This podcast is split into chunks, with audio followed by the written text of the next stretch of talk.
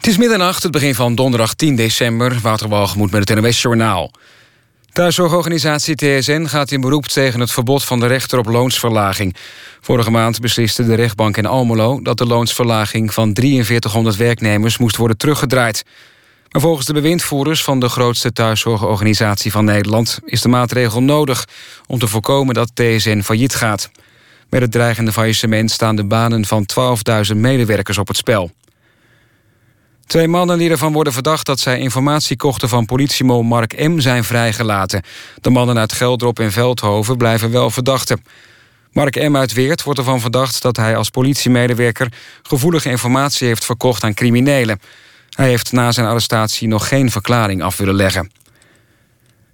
In de Amerikaanse staten Oregon en Washington is de afgelopen dagen een recordhoeveelheid regen gevallen. Een vrouw kwam door het slechte weer om het leven toen een boom op haar huis viel. Door de regen zijn er veel overstromingen en modderstromen en werden wegen weggeslagen. In een dorp vlakbij de stad Portland zijn tientallen mensen geëvacueerd. Volgens weerkundigen is er in Portland in december nog nooit eerder zoveel regen gevallen op één dag. De top 2000 van NPO Radio 2 heeft een Gouden Roos gewonnen. Een van de belangrijkste prijzen voor Europese radio- en tv-programma's. Zendermanager Jure Bosman noemt de onderscheiding... een ongelooflijke eer en waardering voor het top 2000-team en het publiek. Sinds 1999 worden van eerste kerstdag tot oudejaarsavond... 2000 nummers uitgezonden waarop luisteraars hebben gestemd. De laatste keer dat Nederland de prijs won was in 1995... met het televisieprogramma Taxi van Maarten Spanjer. Het weer, wolkenvelden en opklaringen wisselen elkaar af vannacht... bij minima tussen de 3 en 7 graden. Overdag trekt de wind aan en is het tussen de 6 en 9 graden. En s'avonds gaat het vanuit het noordwesten regenen. Dit was het NWS Journaal. NPO Radio 1. VPRO. Nooit meer slapen.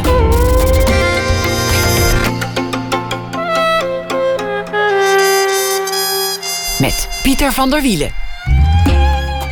Goedenacht en welkom bij Nooit meer slapen. 100 jaar zou die zijn geworden deze maand op Blue Eyes, The Voice, Frank Sinatra. Straks aandacht voor de zanger, maar dan vooral voor het meer uh, ondergesneeuwde aspect van zijn carrière. Namelijk de vele tientallen films die hij heeft gemaakt. Sinatra als acteur, dat na één uur.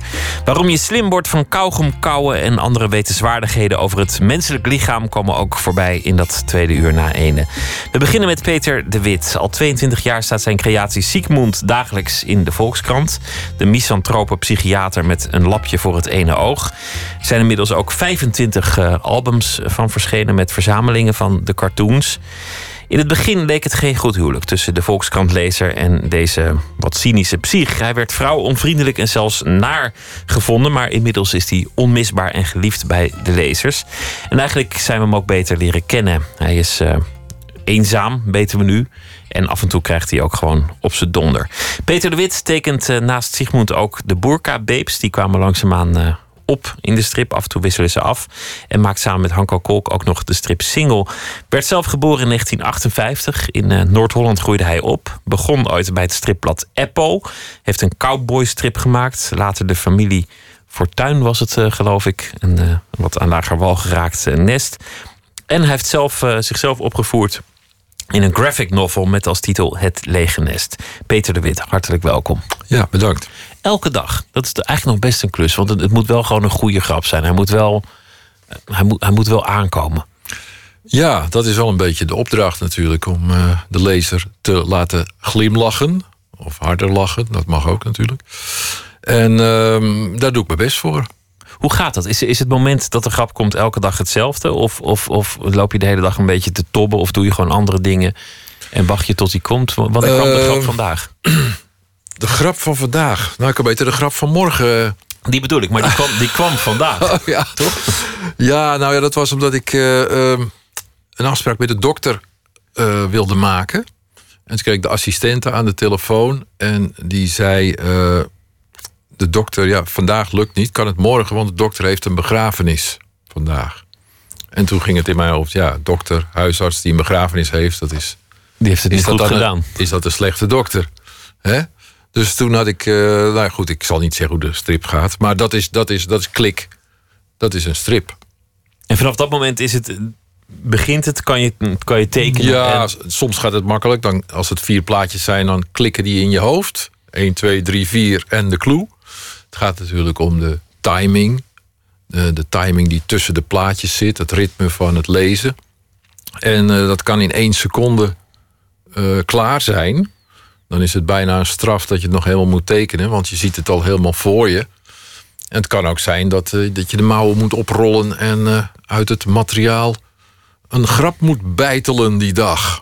Met veel eh, zweet en eh, kreunen. Dus het, het- het- er is geen vast stramien of geen gouden oplossing voor. Maar je werkt het liefst wel op de dag zelf. Het is niet dat, dat je een la hebt met heel veel Sigmunds... en dat je, dat je gewoon vooruit werkt. Nou, ik, ik heb wel eh, periodes dat ik wat heb liggen. Een voorraad, een aantal dagen.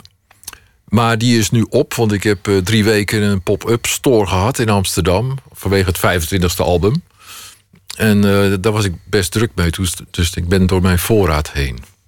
Dus nu moet je gewoon op de dag zelf presteren. Wat, Zo wat, is het. wat natuurlijk gewoon ook eh, het lekkerste is. Wat het beste is. Ja. Schaaf je dan nog veel? Je hebt er, het begint met de dokter die zegt: Ik heb een begrafenis. Dan, dan gaat het boren in het hoofd. Dan, dan komt de grap eruit. Hoef je nog niet te verklappen.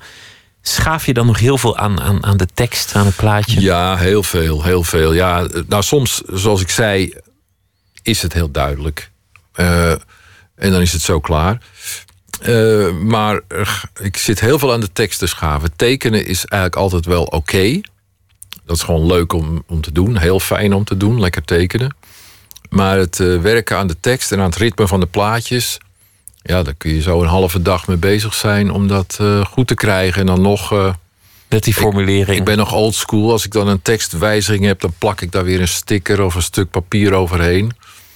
En dan trek ik hem weer los en dan plak ik hem nog een keer. Of ik ga met witte verf erin zitten. Harnessen. Dus het, ja, net zolang tot ik denk dat het goed is. Wanneer is het goed? Is, is daar een regel voor te geven? Of heb je, heb je iets Eh. waar je het aan kan zien? Of waarmee je test? Nou, er is geen regel. Het is, het is mijn regel. Als ik, als ik eh, denk, zo is het puntiger. Zo komt de grap beter over. Of zo is de verrassing groter. Dan wijzig ik het op die manier.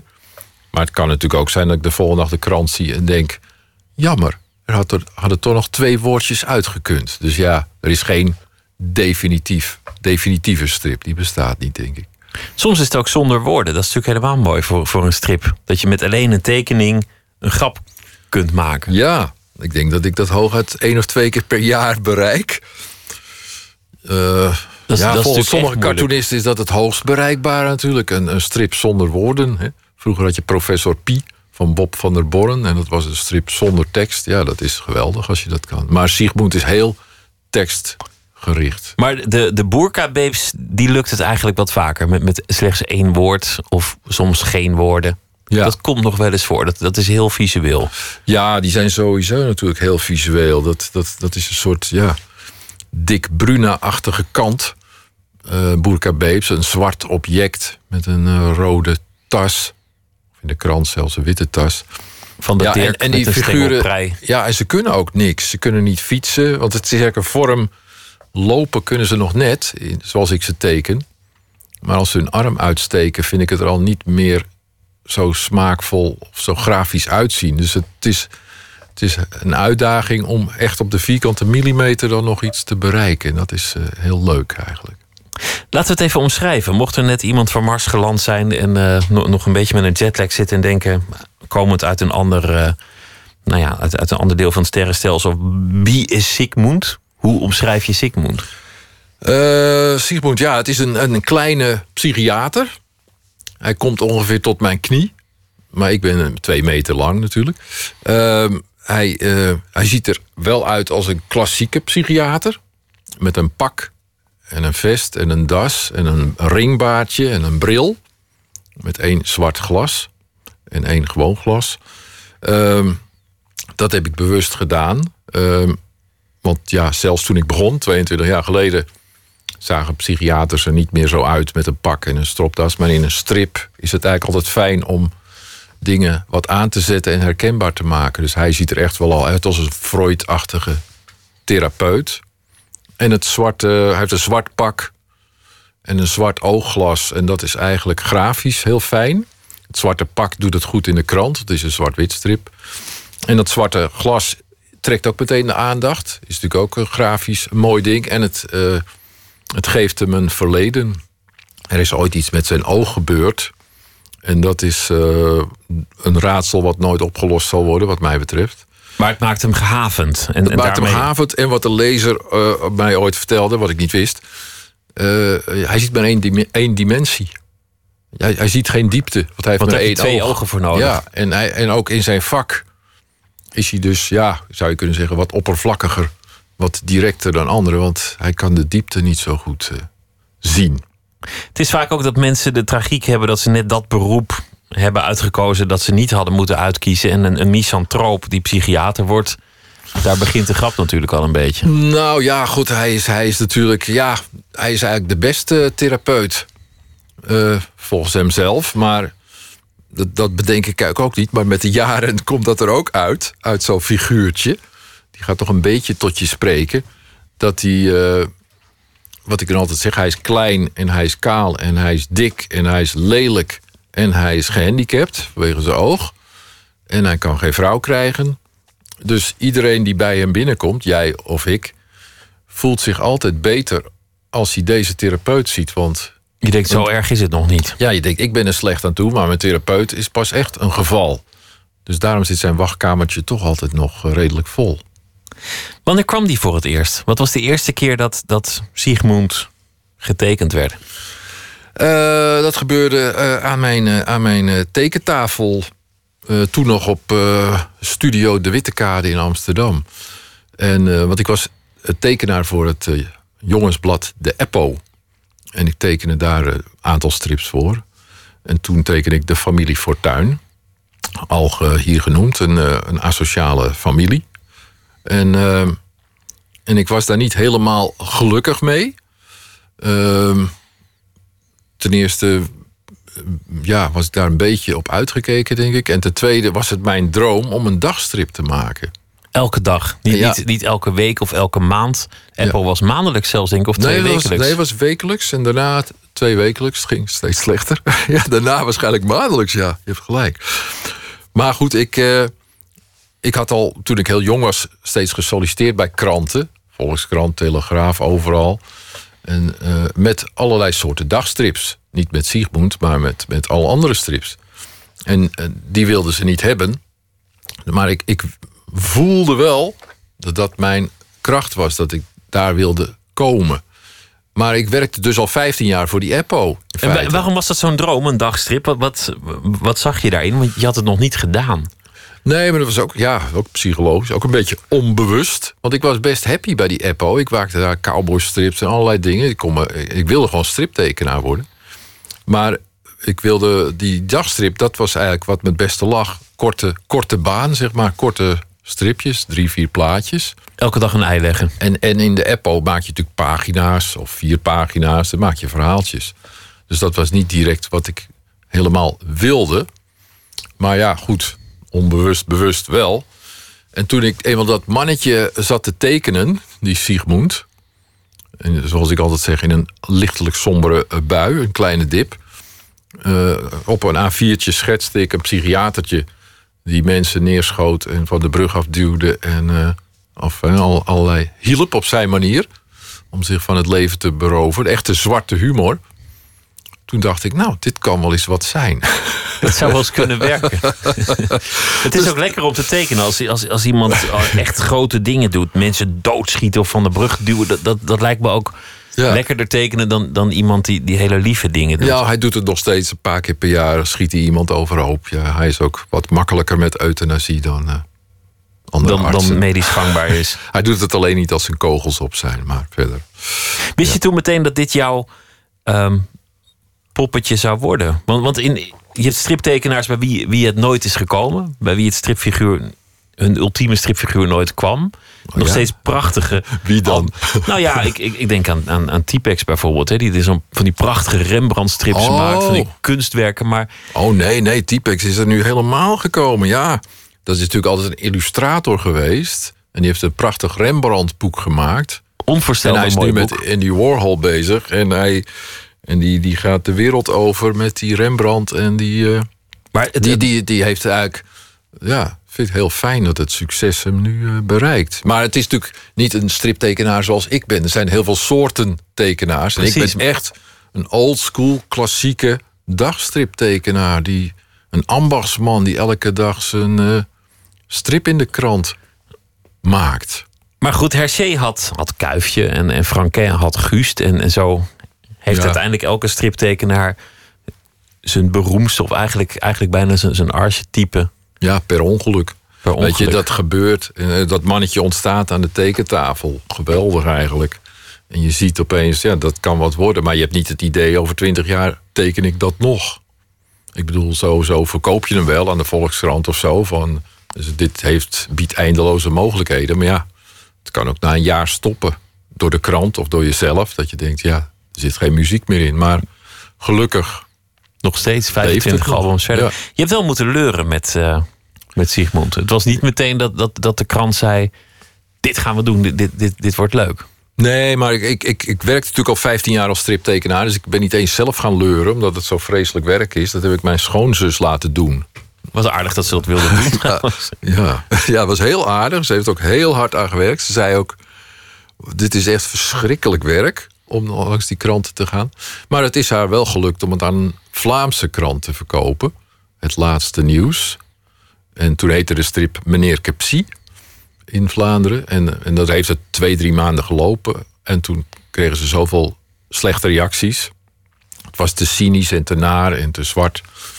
En toen, eh, nou, zoals ik altijd zeg, met die aanbeveling ben ik bij de Volkskrant beland. En die wilden het publiceren. We zijn 25 albums eh, eh, verder. We hebben hem ook een beetje leren kennen dat hij eigenlijk eenzaam is. Dat hij soms ook best gelijk heeft. Dat hij soms zegt wat anderen alleen maar durven denken. En iedereen komt natuurlijk bij de psych. Dat, dat, is, dat is het mooie. Dus je leert ook de tijdgeest kennen. Je kunt ook de actualiteit kwijt. eh, De, de samenleving. Je kunt ongelooflijk veel kanten ermee op. Wat typeert nou, nou Sigmund? Ik bedoel, naast dat hij, dat hij hard is en cynisch en Wat die, niet dol op zijn patiënten. Ehm, ja, wat typeert Sigmund? Eh, Dat, dat, dat is, vind ik eigenlijk best een moeilijke vraag. Want zo denk ik niet over hem. Hij, hij, hij reageert eh, zoals hij eh, voor die strip het beste kan reageren eigenlijk. Ik heb niet echt een... Er is, het is geen figuur die zo uitgekristalliseerd is... dat ik kan zeggen, oh, dat is, zo zal hij altijd doen of handelen. Hij ontwikkelt zich ook nog. Hij ontwikkelt zich ook nog, ja. Ja, zeker. Hij leert bij. Ja, niet veel natuurlijk. Maar ik, ik ben, ik ben ehm, wel erg een tekenaar die op intuïtie gaat. Dus ik ga elke dag begin ik opnieuw. Ik, elke dag vind ik het wiel weer uit. Ik ben niet iemand die daar een soort blauwdruk voor heeft. Dus ik, het is voor mij elke dag weer een belevenis om zo'n strip te maken. Als je een DSM van Sigmund zou maken, dat, dat heb je trouwens ook wel eens eh, met een knipoog gedaan. Dan komen er ook oh, heel veel nieuwe psychische stoornissen bij. Je, je verzint ze waar, waar ze bij staan. Ja, natuurlijk. Je hebt de bad hair day stress. Voor vrouwen vast heel herkenbaar. En eh gamma manie was een eh, stoornis die ik had bedacht. Als je Iedereen te veel wil klussen. Als je, Ja, als je alles ja. maar met de hamer en de spijker wil. Verbouwingsdwang. Bridget Maaslandfobie geloof ik zelfs. Ja, Bridget Maasland. Ik weet, wat was dat eigenlijk ook weer? Nou, Maar goed. lijkt me vrij duidelijk dat je een fobie hebt voor Bridget Maasland. Oh ja, natuurlijk. ja. Nee, ja, maar het, dat boek ehm, dat kon ik maken omdat ik al twintig jaar die strip maakte. En toen de DSM 5 uitkwam, nou ja, voor de, dat moet je maar net weten, maar dat is natuurlijk de diagnosebijbel uit Amerika van de American Psychiatric Association. Toen dacht ik, DSM, de Sigmund-methode.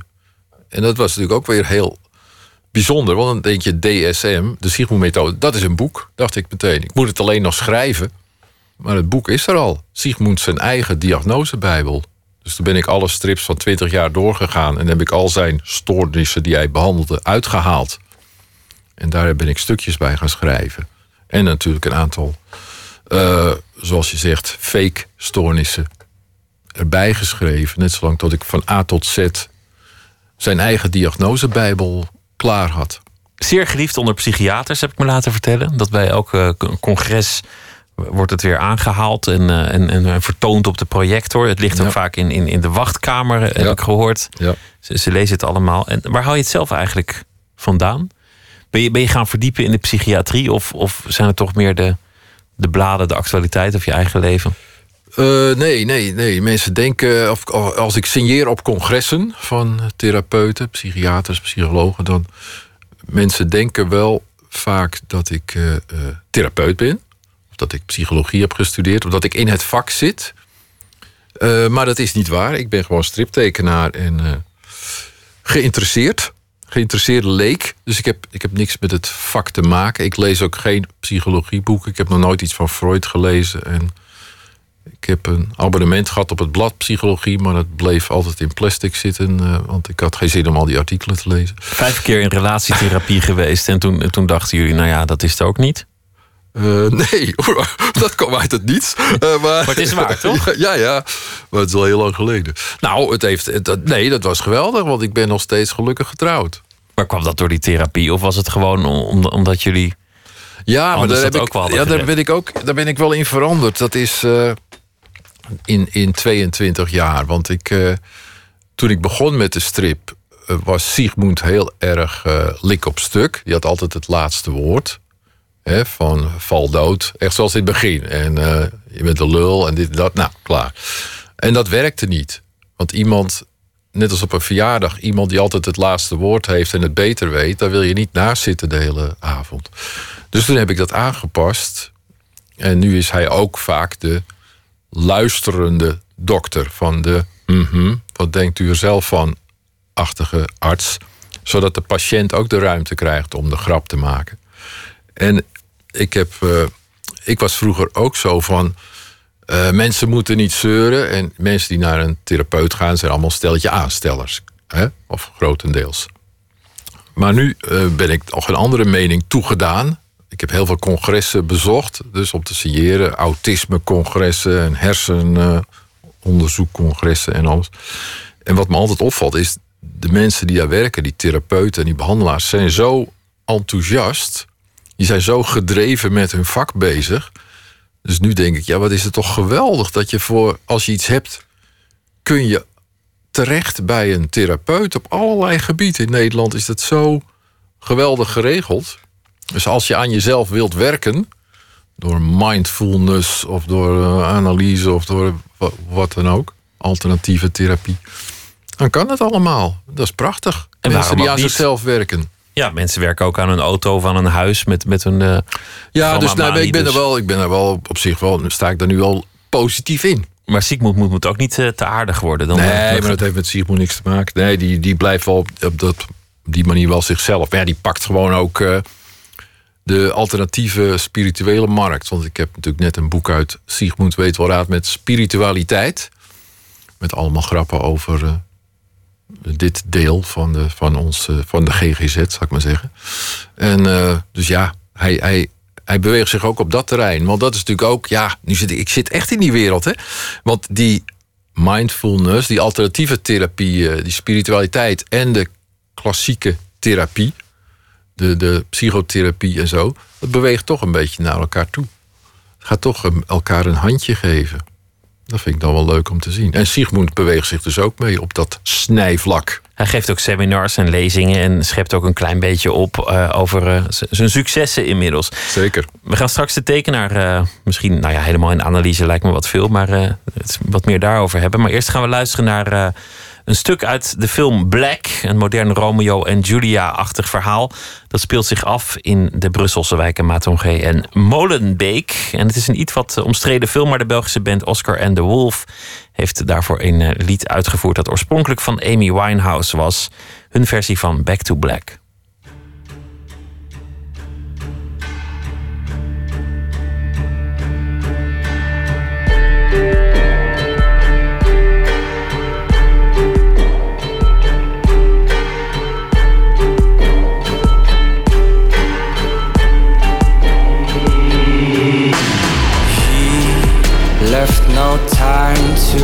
regret. Kept his dick wet with this same old safe bed, And me and my head high and my tears dry. Get on without my guy. And you went back to what you knew. So far removed from all that we went through. And I, I tread the troubled track, and my arms are stacked, and I'll go back to black. We only say goodbye with words. I died a hundred times. You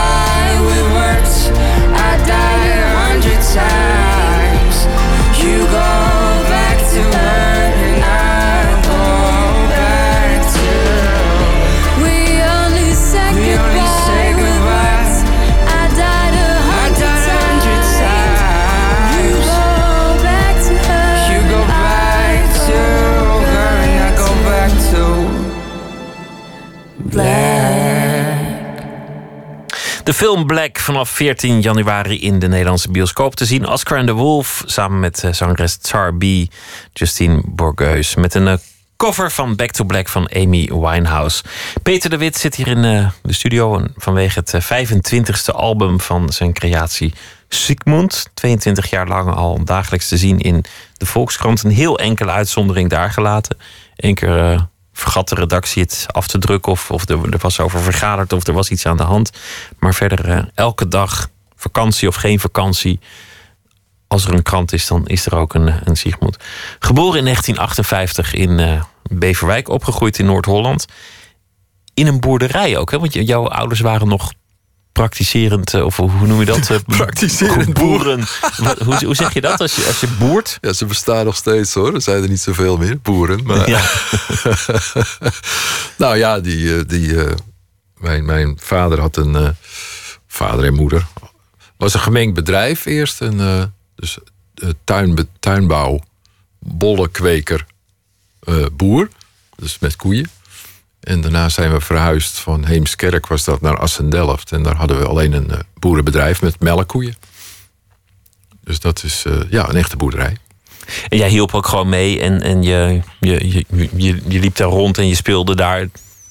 Ja. Ja, nou, precies. je ja, was- ja was het eh, hutje bouwen, slootje springen. En ik was de jongste van zeven kinderen, dus ik hielp wel mee, maar ik hoefde niet zo heel erg te helpen. Alleen met, met het hooien en grassen en soms de koeien ophalen. Maar mijn, eh, een van mijn broers die is boer geworden. En nu is zijn zoon alweer de boer. Dus eh, zo gaat dat. En ik, ben, ik was niet voorbestemd om de boerderij over te nemen. Dus eh, nee. Is je ook nooit gevraagd om later het bedrijf over te nemen of, of minder voetsporen te treden? Nee, zoals ik dan wel zeg, als je, als je twee keer met de trekker in de sloot rijdt of een paaltje achter. Als je niet kan trekker rijden, sowieso. en andere dingen ook niet zo goed kan, dan val je af. Daar worden de punten mee Er verdiend worden de in punten huis. mee verdiend en dan eh, houdt het op. Een katholiek gezin was het. Ja, ja. Die Was, was, dat heel, was dat heel aanwezig, dat, dat geloof, of viel het wel mee? Nee, nou ja, het was die, die, eh, die, die crazy 70s. Dus eh, toen het geloof opeens eh, ophield. Dus ja, het was natuurlijk, je ging naar de kerk en toen was God opeens dood. En eh, de kerk stelde niks voor. En, eh, dus het was die gekke tijd dat het, eh, de kerk in beroering was en leegliep. En de beatmis begon als laatste stuiptrekking. Een bandje in de kerk in de hoop dat de gelovigen terugkwamen. House of the Rising Sun werd gespeeld. En dat was eh, het slotakkoord. Nou ja, op een gegeven moment ging, ging, ging men niet meer naar de kerk. En ik ook niet. Dus ja. Jouw ouders ook niet? Ja, die wel hoor. Ja, tuurlijk. Ja. Die, die... Mijn vader zat zoals alle andere boeren. eh, Dan, als de preek begon, viel hij in slaap. Dat, eh, dat zag je al die boeren zo knikkenbollen. En aan het eind van de preek werd hij weer wakker. En nou ja, goed. Het was ook een rustdag. Zo was het ook Was ook een rustdag. Ja, dan mag je ook in slaap vallen. Welke strips las je al- als kind? Want dat is waarschijnlijk waar het begonnen is, dat je zelf strips las. Eh, ja, Eh, nou ja, ja ik, ik las als, als kind, lazen wij de Shores. Je had de Pep en de Shores, dat waren twee, eh, dus de Beatles en de Stones. Dus eh, wij hadden de, de Beatles, de, de Shores. En er stonden allemaal strips in, ook strips uit de, uit de Robbedoes. Dus, dus, dus Guus Vlater, dat soort strips. Maar ook veel Nederlandse strips, dus Shores en Jimmy. En we hadden de Vivo. En daar stond Prins Valiant in. Dat was een Amerikaanse ridderstrip van Hal Foster. Ja, ik weet het nog, ja. En je had eh, dingen als de Thunderbirds en dat soort dingen. Ja, goed. En later werd ik wel stripverzamelaar. Ik las als stripschrift. Ik maakte met een vriend het blad Stripprofiel. Dus toen ik een jaar of 14, 15 was, ging ik met de trein, de tienertour, gingen wij eh, allemaal striptekenaars eh, bezoeken. Martin Lodewijk, Jan Kruis, maar ook naar het buitenland. Hergé hebben we nog gezien, Bob de Moor, Kraanhals, eh, van de Koene Maar, zo jong al eh, bij, bij zulke grote eh, legendes in de stripwereld langsgaan... Dan, dan was je eigenlijk al vrij overtuigd dat dat iets ging, ging worden in je leven. Dat, dat je daar misschien wel mee verder wilde. Nou ja, dat, dat zo, zover kon ik niet kijken. Maar ik, ik vond het heel erg interessant. Dus ik vond het leuk om mee te gaan en de kunst af te kijken. Dat je allerlei geheimen ziet. Zoals dat een stripplaatje groter wordt getekend dan die wordt afgedrukt. Dat is een van die geheimen. En eh, ja, en, en eh, fijn om die mensen te ontmoeten. En die waren... eh, ja, ik ben nu eh 57, dus het is lang geleden. En toen was het, wa- waren die mensen heel benaderbaar. Want Er kwam, nooit, er kwam nooit iemand langs. Dus de- die vonden het leuk als er iemand, een paar eh, jongens met lang haar en een gekke bril eh, op de stoep stonden. Want als je zegt dat je bij Hergé bent langs geweest, het is alsof je, een- nou ja, stel je, je wil schilder worden en dan ging je even bij Picasso op bezoek. Dat, het is Ja. gewoon wel Nou, wij de gingen, grootste. wij gingen zijn rechterhand, Bob de Moor, bekende tekenaar, ook eh, interviewen. En toen kwam Hergé ook binnen. En die vroeg of we iets wilden drinken of zo. En toen mochten we een hand geven. Dus dan mag je eh, God zelf even een hand geven. De hand die Kuifje heeft getekend. Ja, leuk toch? Maar dat, dat was toen niet zo vreemd. Ja, dat kon. En waarschijnlijk kon je vroeger ook eh, popsterren makkelijker benaderen. En dat was met striptekenaars. Nou, dat is nog steeds al zo hoor. Die mensen zitten nog steeds te wachten tot er iemand langskomt. Je hebt ook nog eh, aanvankelijk een, een serieus pad bewandeld. Want, want je ging Finse en Hongaarse talen studeren of iets. Oh, dat vind ik echt erg. Eh, ja, dat klopt. In Groningen. Maar waarom Fins en Hongaars? Ik bedoel, ik, Ja. ik kijk naar de kaart en denk, wat hebben die met elkaar te Ja, maken? ten eerste moet dat ooit eens uit die persmap verdwijnen. Maar eh, nee, dat, weet je, dat. Ik eh, wilde gewoon zo ver mogelijk, denk ik, en, en zo, zo gek mogelijke studie doen. Hij is nu ook opgeheven, geloof ik. Helaas. Maar ik heb dat maar eh, een week of drie, vier volgehouden. En toen ben ik teruggekeerd naar de boerderij. Daar woonde je vader inmiddels alleen. Je, jouw Eh, moeder is ja. jong, jong overleden. Mijn moeder is jong overleden in 1980. En mijn vader en ik woonden alleen op de boerderij. En eh, eh, twee mannen eh, in een boerderij. Nou, dat heeft niet zo lang geduurd. Maar eh, hij heeft gelukkig een hele leuke nieuwe vrouw gevonden. Maar ik heb een tijdje met hem alleen daar gewoond. Ja. En dan, toen tekende je eigenlijk al. Dat was steeds meer je, je leven aan ja, het worden. toen ik, toen ik eh, dus tijdens die ultrakorte studie teken ik ook gewoon. Ik was altijd al aan het tekenen. Ik tekende toen al. eh, eh, kort daarna ben ik bij de Apple begonnen, denk ik, in 1979. Dat was toch wat ik wilde. Je kunt veel meer dan, dan, dan Sigmund doet vermoeden als tekenaar. Die, die, die cowboystrip, dat, dat, dat heeft eigenlijk al een wat uitgesprokener stijl. Hoe, ver gaat het? Hoe goed kun jij tekenen? Eh, nou, ja, toen ik voor de Apple werkte, tekende ik natuurlijk wel veel meer dingen op een pagina. Want dan, dan maak je meer gebruik van decor. En eh, ik kan op zich wel een lekker potje tekenen. Maar ik, ik ben gewoon een, eh, een beperkte tekenaar. Maar een striptekenaar eh, is natuurlijk schrijver en tekenaar. En je moet kunnen uitdrukken op papier wat je wilt vertellen. Dat is het eigenlijk. Als jij een, een strip maakt die mensen goed kunnen begrijpen, goed kunnen lezen, dan ben je ook goed bezig. Dus je bent een verteller. Als ik een, een, het Rijksmuseum achter Sigmund teken, dan wordt niemand blij van. Dan wordt die, die grap niet beter van. Dat is alleen maar slechter, want het leidt af. Dan denken mensen, wat doet dat museum daar? Dus eh, het is ook de kunst van het weglaten. En daar ben ik een meester in geworden. Het kan heel minimaal zijn. Het hoeft niet per se heel goed getekend ja, te het zijn. is zelfs nu zo sterk dat ik als Sigmund zijn hoedje op heeft, is hij buiten. Dus dan kan het een volledig wit plaatje zijn. En hij heeft zijn hoedje op. Is hij buiten. Dus, dus dat, dat, is, dat is een kwestie van, eh, van aanvoelen hoe ver je daarin kan gaan. Dus je hoeft, je hoeft zeker geen virtuoze tekenaar te zijn in het werk wat ik doe. Hè? Ik bedoel, als jij eh, realistische tekenaar bent, als je Blueberry maakt of weet ik het, dan moet je wel wat in huis hebben. Maar voor mij, ik, kan, ik, kan, ik ben de beste eh, Sigmund tekenaar die er is. Het is jouw, jouw creatie. ja. Je hebt ook jezelf wel eens opgevoerd. Dat, dat zei ik aan het begin in de graphic novel Het Lege Nest. Dat, dat doen veel tekenaars. Op een zeker ogenblik komen ze zelf naar voren. Komt de tekenaar het album ingelopen. In, in wat voor hoedanigheid ook. En dit keer had de tekenaar zelf een klein beetje therapie nodig. Eigenlijk. Nou, niet de tekenaar, maar de, de vader natuurlijk. Want lege nest is natuurlijk het, het lege nest syndroom. Dus dat is gemaakt in een periode, eh, dat hield me erg bezig, dat de kinderen het huis uitgingen. Eh, wat ik ze verder nu niet meer kwalijk neem zozeer. Dat Maar- moet je kinderen maar- nooit kwalijk nemen. maar kinderen het- gaan nou Ja, eenmaal het huis uit. Het is gebeurd. en uh, zand erover. Ehm, dat hield me heel erg bezig. En eh, ja, dus dat lege nest syndroom, dat is geen echt syndroom. Laten we daar kort over zijn. Mensen die doen alsof het echt is, dat is, dat is niet zo. Maar ehm, je kunt er wel last van hebben. En ik heb dat eh, van mij afgetekend in die eh, ja, grafische novelle eigenlijk, het lege nest. Waarin ik dat helemaal behandel. En die, die, die weg die die vader aflegt eh, in beeld breng. Het levensdoel was weggevallen. De kinderen waren uit het zicht. Die, die, die hadden dat huis verlaten. Het, het was ineens leeg. Je was weer aangewezen op jezelf en, en je geliefde en, Ja. je, en je werk. Ja, ja, maar ja, goed. Ik Geen was, missie meer te volbrengen. ja, ik was ook echt een. eh, eh, hoe heet het? Ik heb dat altijd zo fijn gevonden. Ik had eigenlijk toen ik mijn eerste. Vader zijn. Vader zijn toen ik mijn eerste kind kreeg. Of ik kreeg het niet, maar mijn vrouw. Maar had ik echt mijn bestemming gevonden. Ik vond dat zo geweldig. Je hebt als mensen die denken: jeetje, dat is eh, wat een belemmering van mijn leven of zo. Dat had ik helemaal niet. Ik vond het vanaf dag één echt een perfecte invulling van mijn leven. En toen kwam er nog eentje bij. Nou, nog beter. Dus toen ze weggingen, eh, had ik het daar gewoon moeilijk mee. Dat is iets wat wel bij je past. Een dagelijkse strip. Dat, je in ieder geval elke dag dat klusje moet doen.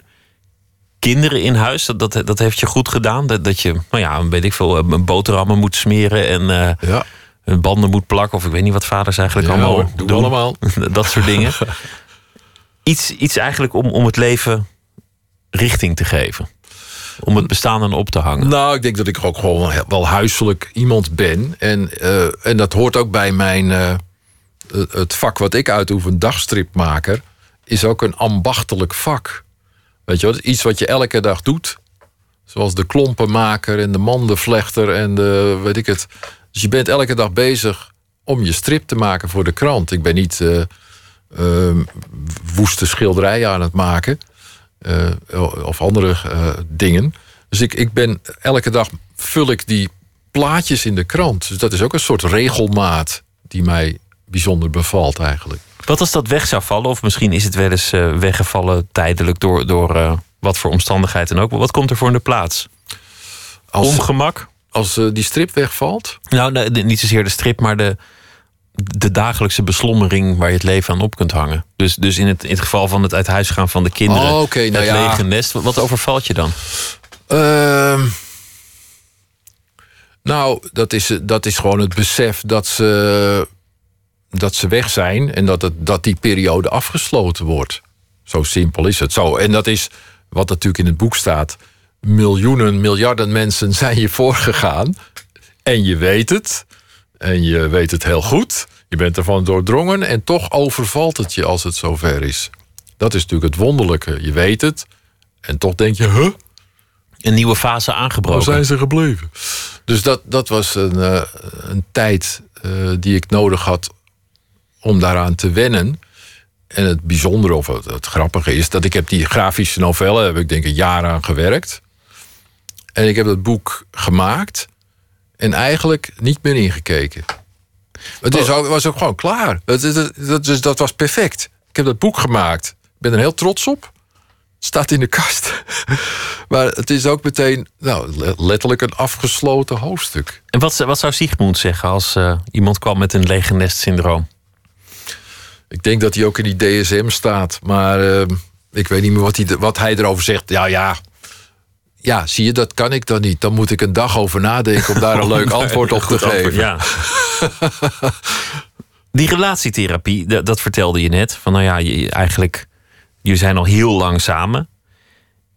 Je bent een stille man eigenlijk. Je, bent je bent niet de, de gangmaker. Je bent, je bent eigenlijk niet een, een, eh, een showman. Je, bent je bent niet de meest getapte jongen op het meest getapte feestje. Ben, ben je eigenlijk... Je geeft nu een omschrijving van een striptekenaar sowieso. Hè? Het zijn allemaal stille mensen.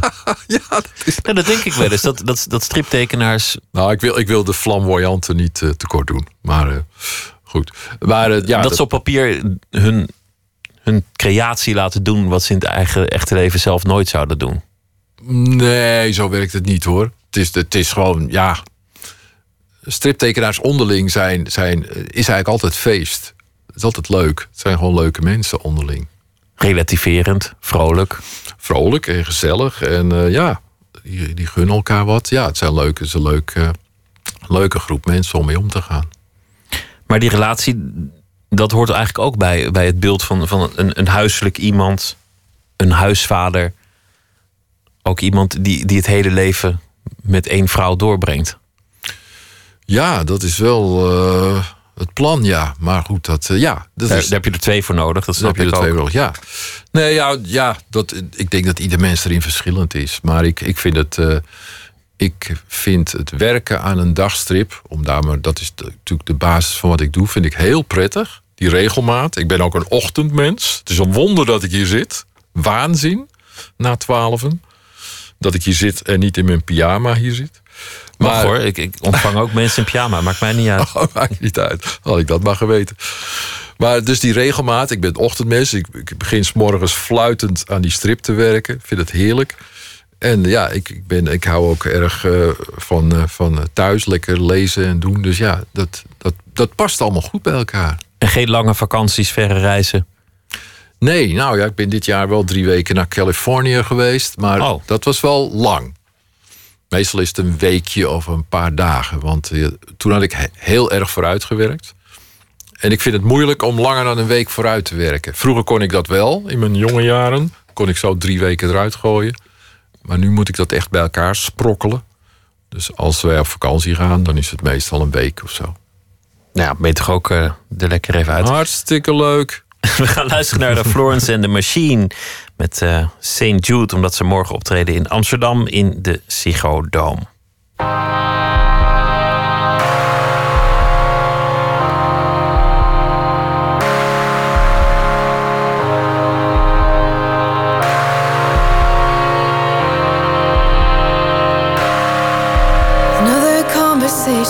With no destination, another battle never won.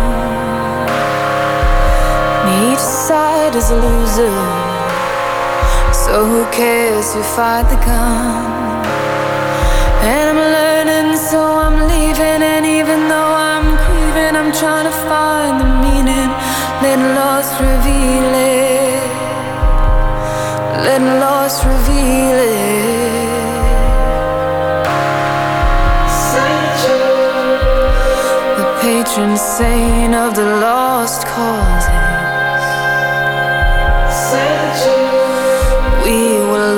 Before she started.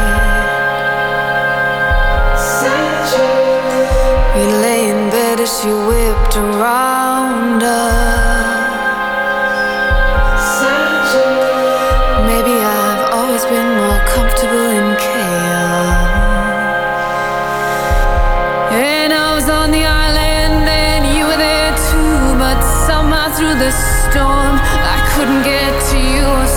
St. Jude.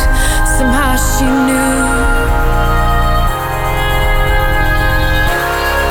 And she came to give a blessing while causing devastation. And I couldn't keep my mouth shut. I just had to mention grabbing your attention.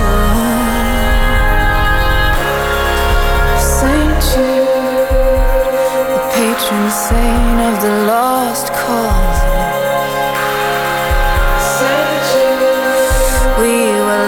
before she started.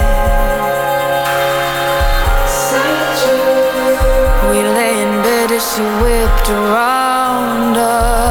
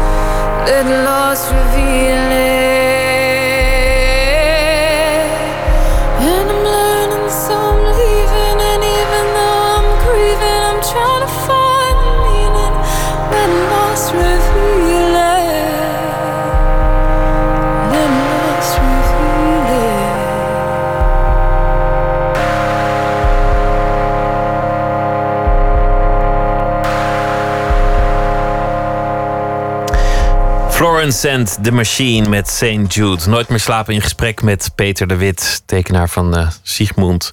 En ook van eh, de Boerka Babes. Een, eh, een vreemde verschijning. Op een dag stonden ze daar op de plek van Sigmund en af en toe komen ze terug.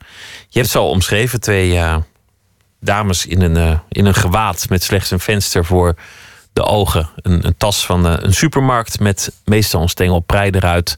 Soms een stokbrood. Een heel enkele keren wat, wat kinderspeelgoed. Die elkaar eh, iets toestoppen over eh, nou ja, de wereld, hun leven of de actualiteit. Hoe begon dat eigenlijk ineens? Nou, dat is, dat is eh, ontstaan. ik werkte toen op, op studio De Witte Kade in Amsterdam-West. En toen liep er een mevrouw voorbij met zo'n supermarkttas. Is helemaal zwart, met een rode tas. En het was een heel indringend beeld. En toen ben ik dat gaan tekenen. En het was toen, ik denk 2006 of zo, was dat heel actueel, boerkaas. Er was heel veel over te doen. Nu hoor je daar eigenlijk niemand meer over. Moest er een boerkaverbod komen of niet? Ja, dat is de grote dat vraag. Was, dat was natuurlijk, ja, maar het is ook, het is ook een heel, eh, ja, wat ik zeg, een heel indringend beeld. Je schrikt je eigenlijk wel dood als je dat ziet. Het is natuurlijk heel raar. Omdat het een soort spook is. Ja, het is natuurlijk een, ja, bizar. Wie zit eronder? Maar goed, dus heb, heb ik eh, vertaald in beeld. En eigenlijk meteen al met een soort Dick Bruna-achtige vorm. Echt zo'n soort zwarte tampon met een hoogspleet. En daar... eh, en dat bleken hele sterke eh, karakters te zijn... die de, eigenlijk Sigmund uit zijn eigen strip konden duwen. En die strip overnamen, één keer per week of één keer in de twee weken. En dan iets deden of zeiden. Of, eh, het ging over opvoeding, over mode, over mannen, over de islam, over de Koran. Van alles kon daarin eh, voorbij komen. En dat was ook meteen eh, het fijne, want als je natuurlijk de islam gaat bashen, of, dan ben je met twee cartoons wel klaar. Want dat is natuurlijk steeds hetzelfde. Maar die vrouwen die reageren... Oh, op die manier wel Ja, klaar. Ja, ja. ik, ik dacht meteen aan, aan hele dramatische gebeurtenissen van de BNA 2 cartoons wel klaar. Maar je bedoelt gewoon uitgetekend. Ja, ik, ik denk Oh. Ja. dan, dan, dan lig Ja, je dat ook. gestrekt. Ja, Had ik hier tragisch. niet gezeten. Tragisch genoeg is dat wel, maar de was- ja, ja, hoop, ja, vreselijk. Nee, maar dit, dit was natuurlijk een, een, een... Ja, er zat heel veel humor in. Ik, ik, heb, ik, eh, ik kreeg daar meteen vanaf het eerste moment heel veel reacties op. Mensen gingen hun eigen burka-tekeningen maken op de computer en, en foto's. En dat was eigenlijk een heel groot succes, meteen al. Bijvoorbeeld, de, eh, eh, ze lopen met hun eh, tasje van supermarkt Dirk. En eentje die heeft dan een tasje van de Hunkemuller. En dan roepen ze haar na slet. Precies. IJzersterk. Goed verteld, man. ja, het- ik vertel hem niet zo goed, maar hij was ontzettend grappig. Ja. Het is toch een heel gevoelig onderwerp. Inmiddels zeker. Hunkemuller, ja, nou. De Hunkemuller ja, en, de, en de islam natuurlijk. Oh ja, nou ja, is dat een gevoelig onderwerp? Ja en nee. Ik bedoel, niet op de manier waarop, ik het doe. Ehm, de islam is onderdeel van Nederland. Burka's die verschijnen in het straatbeeld. Dus voor mij als tekenaar was het heel natuurlijk. Ik teken ook eh, moslimmannen en je tekent eh, een Surinaamse man. Ja, ik bedoel, het, je, je tekent wat er in Nederland voorbij komt. Als het opvalt en je kan, er, je kan er iets mee, dat is natuurlijk het belangrijkste. Je moet er iets, als tekenaar iets mee kunnen in je strip. Dan stop je dat eh, in je strip. Want het hoort, het hoort bij, eigenlijk bij mijn vak om daar eh, iets mee te doen dan. Want de traditie van de strip, van de cartoon, is eigenlijk een, een, een zekere mate van relativering.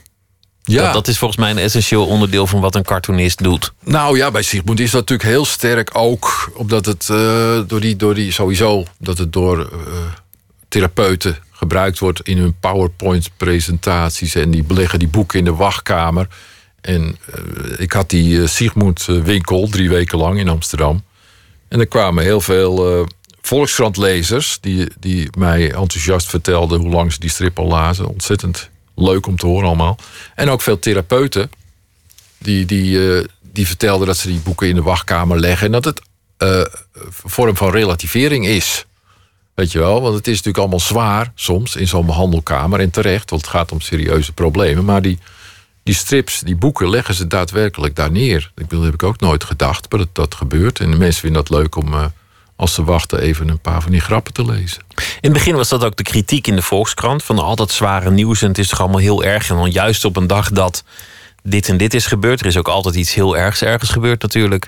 Nog een grap in de krant. In het begin vonden mensen dat niet kunnen. Wat Bedoel je met Sigmund? Met Sigmund. Ja, dat, Oh, dat was niet de kritiek. Ja, de kritiek was toen eh, in het begin eh vrouwvijandig. oh ja. eh, weet ik, dat soort dingen. En gelukkig vinden mensen hem nog steeds wel vrouwvijandig. Maar toen was het heel heftig. Veel heftiger dan de redactie of ik had voorzien. Dat er echt huilende mensen aan de telefoon hingen... dat ze die strip zo naar vonden. En ja, dat was verder ook niet per se mijn bedoeling. Maar daar zijn ze inmiddels aan gewend. Naar ik aanneem. Ja, ja, mensen zijn eraan gewend. En de strip is natuurlijk ook veranderd. En ik ben veranderd. Maar in het begin was het... eh, het, was, het was na heel veel jaren in de Volkskrant... Met, met alleen maar vertaalde Amerikaanse strips... wel hele goede strips, die ik ook allemaal in huis had... maar allemaal vertaalde strips... was dit de eerste keer weer een oorspronkelijk Nederlandse strip. En dat hakte er blijkbaar in opeens. En die burka babes. Merk je, merk je in de reactie dat dat een, een gevoelig onderwerp is geworden? Eh, nee, ik heb er eigenlijk nooit last van gehad. Eh, in die zin, ja, je krijgt wel eens een boze mail. Maar ja, iedereen Maar- krijgt een boze mail. Ja, nee, maar ik heb, ik heb gemerkt als je mensen serieus antwoord geeft... eh, als je mensen serieus neemt, dan zijn ze daar eh, eigenlijk heel tevreden mee. Dus de, mensen willen toch gehoord worden, in hun klacht ook. En als iemand een, een boze brief schrijft, dan schrijf ik gewoon een brief terug.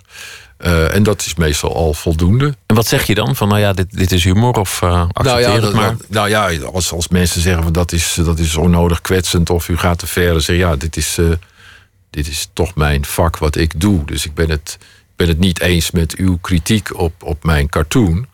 Maar ik, eh, ik, ik begrijp dat u boos bent. En, eh, maar ja, dit is de manier waarop ik werk. En het- daar, daar, ga ik niet, eh, daar ga ik niet veranderen. En dat, is, en dat is voor mensen eigenlijk voldoende. Die, die, die schrijven dan terug: ja, oké, eh, ik ben blij dat u, eh, dat u geantwoord heeft. En dat u eh, mij eh, te woord wilde staan. Dus dat is. eh, dat, Dat, dat is ook de traditie van de cartoon. Een, een plek waar iets meer mag dan daarbuiten. Met, met een zekere relativering. Waar je eens wat uitprobeert. Zijn er dingen die je nu niet meer zou doen na Charlie? Want, want volgens mij is er wel een wereld van de cartoon voor en na Charlie. Hoe tragisch dat ook is. Ehm, nou, ik, ik bedoel, ik, ik deed al niet alles. je doet, je maakt, ik maak wat ik wil maken in de Volkskrant. Ik, ik ben niet zoals Bernard Holtrop, zoals Willem, een geweldige cartoonist eh, in, in Parijs, die alles doet. Maar ik, ik maak wat ik wil maken voor de Volkskrant. Daar, daar, daar neem ik eigenlijk nooit gas terug. Maar ehm, ehm, ik ben ook niet door, door, die, eh, door die Charlie. Nou, dat staat in, in het eh, dat 25e boek. Heb ik daar denk ik vijf pagina's over. Over de aanslagen en de nasleep en de vrijheid van meningsuiting. Want daar gaat het natuurlijk over. En ik ben eh, daarin eigenlijk omgekeerd veranderd. Dat ik, dat ik nu daar niet meer bang eh, voor ben. Ik was er misschien een beetje bang of huiverig. Maar nu denk ik, ja, hallo.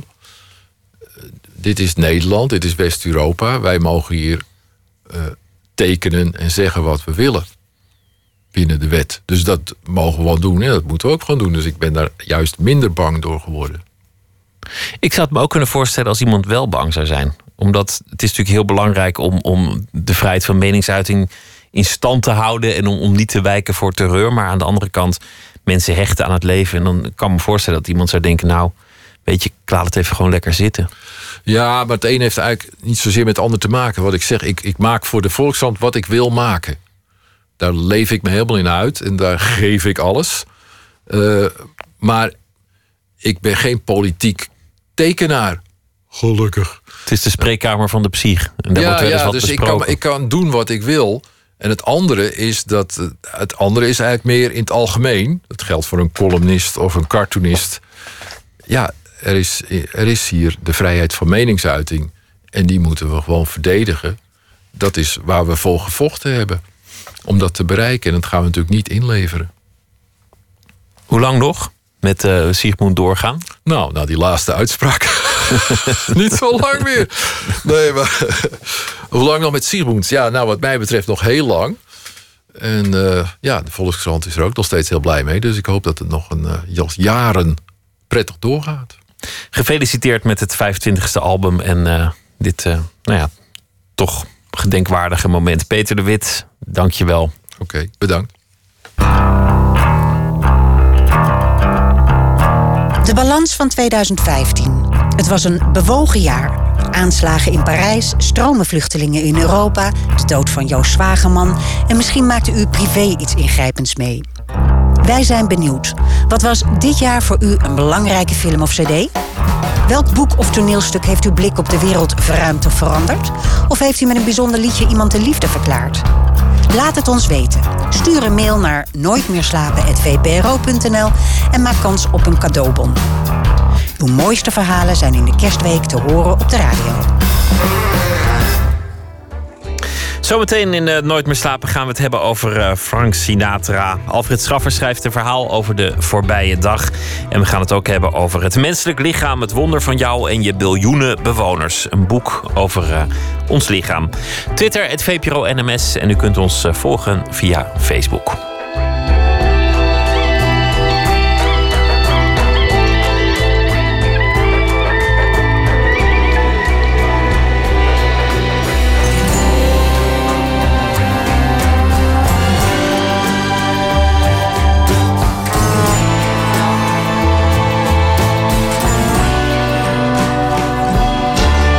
Radio 1.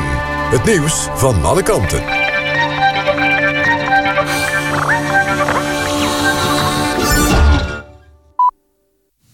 Het is 1 uur, Waterwalgemoed met het NWS Journaal. Ajax-fans mogen zondag niet in Utrecht demonstreren... heeft burgemeester Van Zanen besloten... na overleg met het OM en de politie. De Amsterdamse supporters wilden actie voeren... tegen de beslissing van Van Zanen... om de wedstrijd Utrecht-Ajax zonder uitpubliek te spelen. Volgens de gemeente zijn er aanwijzingen... dat supporters van FC Utrecht... een demonstratie van Ajax-fans in de Domstad willen verstoren. Utrecht zegt dat er te weinig agenten zijn... om de twee groepen uit elkaar te houden... Bovendien zou er geen geschikte plek zijn voor de demonstratie. De Nederlandse online kiosk Blendel gaat nu ook aan de slag op de Amerikaanse markt, maakte oprichter Alexander Klupping bekend op een mediacongres in New York. Vanaf begin volgend jaar kunnen mensen in de VS losse artikelen kopen, maar ook hele kranten en tijdschriften. Blendel is op dit moment actief in Nederland en Duitsland en heeft naar eigen zeggen zo'n half miljoen gebruikers. Thuiszorgorganisatie TSN gaat in beroep tegen het verbod van de rechter op loonsverlaging. Vorige maand besliste de rechtbank in Almelo dat de loonsverlaging van 4300 werknemers moest worden teruggedraaid. Volgens de bewindvoerders van de grootste thuiszorgorganisatie van Nederland is de maatregel nodig om te voorkomen dat TSN failliet gaat. Met het dreigende faillissement staan de banen van 12.000 medewerkers op het spel.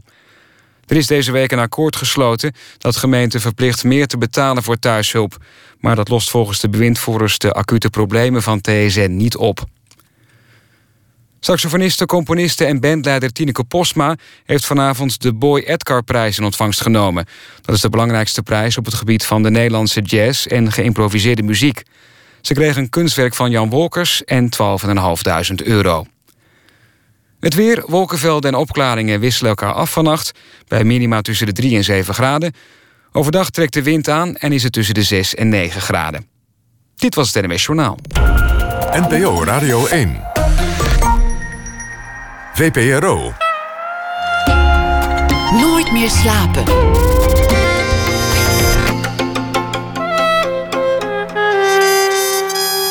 Met Pieter van der Wielen. Het wonder van jou en je biljoenen bewoners. Een boek over het menselijk lichaam met uh, allerlei wetenswaardigheden. Waarom je bijvoorbeeld sneller boos wordt bij warm weer. En waarom je slim zou worden van het eten van kauwgom. Straks een gesprek met uh, schrijver en illustrator. We praten ook met uh, schrijfster en Arabiste Meltem Halacheli... over de ontdekking van de verloren gewaande memoires van haar opa... Sulaiman Haj Ali, waarmee ze op het spoor kwam van een verborgen geschiedenis. Alfred Schaffer is dichter, woont in Zuid-Afrika... en zal deze deze week elke nacht een verhaal maken bij de afgelopen dag.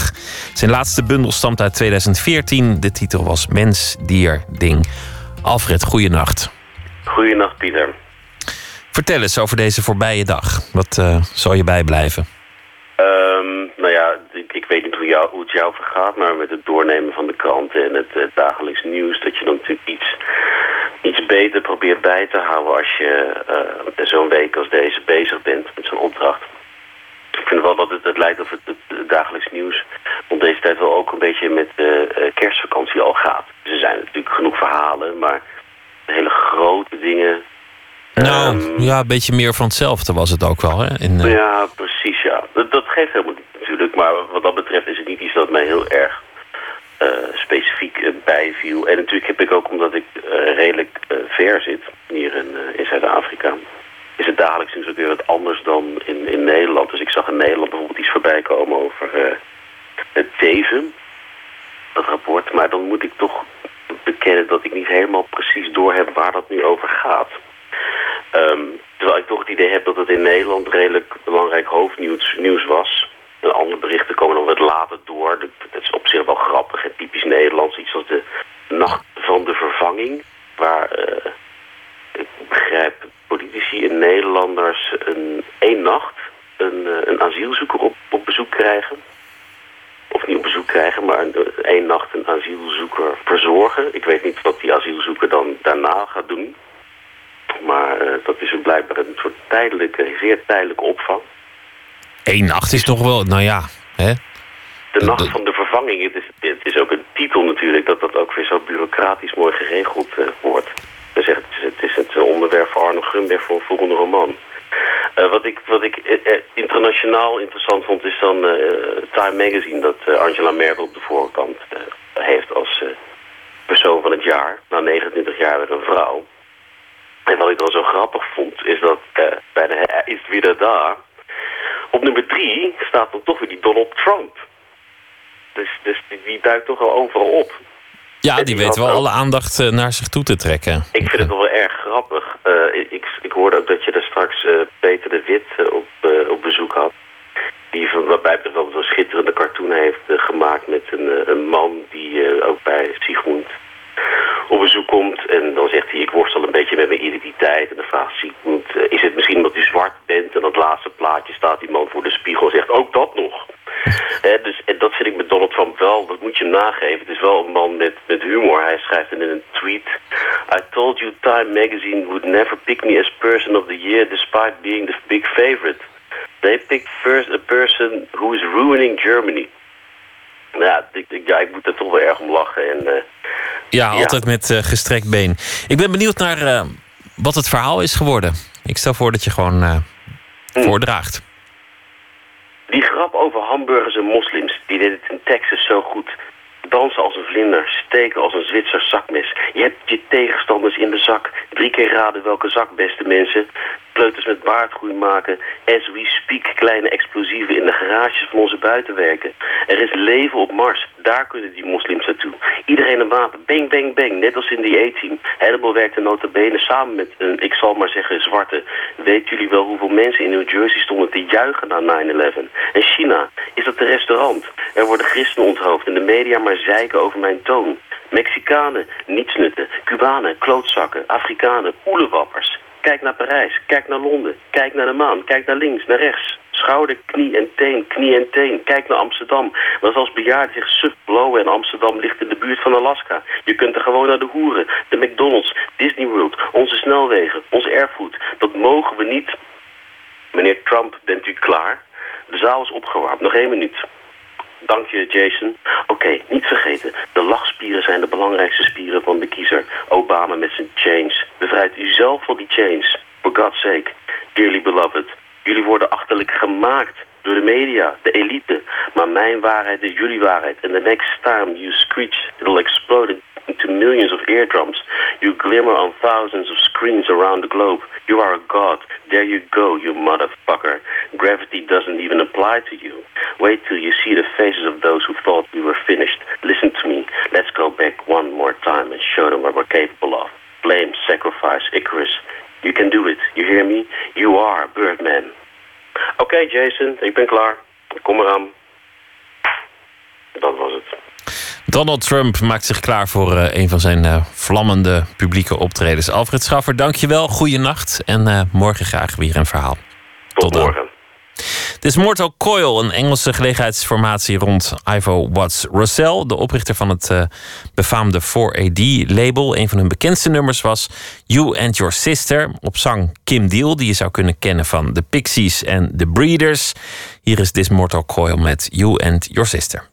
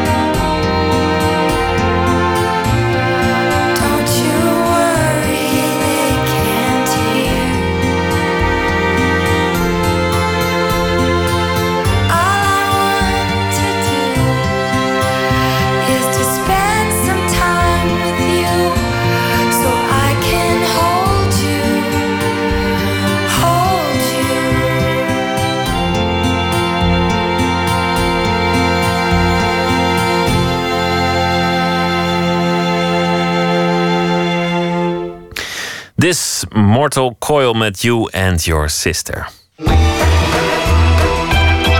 Nooit meer slapen. Hoe maak je een eh, informatief boek leuk voor kinderen? Als twee mensen dat weten, zijn het schrijver Jan-Paul Schutten en illustrator Floor Rieder. Hun evolutieboek, Het Raadsel van Alles wat Leeft, was een reusachtig succes bij publiek, pers en prijsuitreikers. Nu is er het volgende boek, Het Wonder van jou en je biljoenen bewoners over het menselijk lichaam. Aan Floortje Smit leggen ze uit wat het geheim is van het leuke informatieve kinderboek. Bacteriën zijn vele malen groter dan virussen. Ze leven vrijwel overal en vele ervan zijn onschuldig. Een bacterie vermenigvuldigt zich door te delen. Het zal allemaal kloppen, dit lesje over bacteriën van het gezondheidsplein. Maar het is nogal, hoe zal ik het zeggen, saai. Je darmen bevatten een grote hoeveelheid bacteriën. Deze veroorzaken normaal gesproken geen problemen. Vraag dan Jan-Paul Schutte eens naar een bacterie. Je kunt eigenlijk niet zeggen dat er een bacterie is. Bacteriën zijn, ver- verschillen meer van elkaar dan een olifant van een kolibrie of boom. En alleen dat is al bijzonder. En als je Floor Rieder vraagt hoe je een bacterie tekent, krijg je dit. Ja, gewoon lekker veel eh tierenlantijntjes eraan. Ik heb er ook eentje getekend met een eh, spionagecamera. Ja, ik verzin er wel wat tentakels en wat. eh, ik vind het leuk als er, als er veel te tekenen valt. En een bacterie is redelijk simpel. Dus, dus ik verzin er aardig wat bij. Samen maakten ze het boek Het Wonder van jou en je biljoen bewoners. Een feitjesboek voor kinderen over het menselijk lichaam. Maar dan leuk. Ik vind al die andere boeken dodelijk saai. Het legt uit eh, hoe je lichaam eh, in elkaar zit, hoe het werkt. En, en verder is er niet zoveel. Eh, ik ken geen leuke boek over het menselijk lichaam. Er is zo ontzettend veel leuks over te vertellen. Maar doe het dan ook. Zo staat er bijvoorbeeld in het boek waarom je rijk kunt worden van dieetboeken. Waarom je vlinders in je buik voelt als je verliefd bent. En waarom chirurgen rare kousen dragen. Eerder tackelden Jan-Paul Schutte en Florieder op eenzelfde manier de evolutieleer in het raadsel van alles dat leeft. Een verkoopsucces. En met het boek wonnen ze een gouden griffel, het gouden penseel en de gouden tulp. Hoog tijd dus om hen eens te vragen wat nou eigenlijk het geheim van het leuke, informatieve kinderboek is. Nou, het hangt er natuurlijk ook vanaf hoe je het doet. En eh, heel simpel, als het is eh, van jongens, eh, pak jullie boeken, we gaan geschiedenis doen. Ja, dat werkt niet. Je moet eigenlijk de SBS6-methode eh, toepassen. Je moet ze nieuwsgierig maken. Dus in plaats van dat je zegt, jongens, pak je boeken, we gaan geschiedenis doen. Zeg je van, hé, hey, hey, jongens. Ehm, hoe, eh, hoe zit het? Hebben jullie wel eens van, van Willem van Oranje gehoord? En weet je dat hij ongelooflijk in de penarie heeft gezeten? En als je het op die manier vertelt, dan... Oh, vertel, vertel. Dus die truc ehm, moet je als docent gebruiken... maar die gebruik ik zelf als schrijver ook. Wat is het leukste aan, aan zijn schrijfstijl?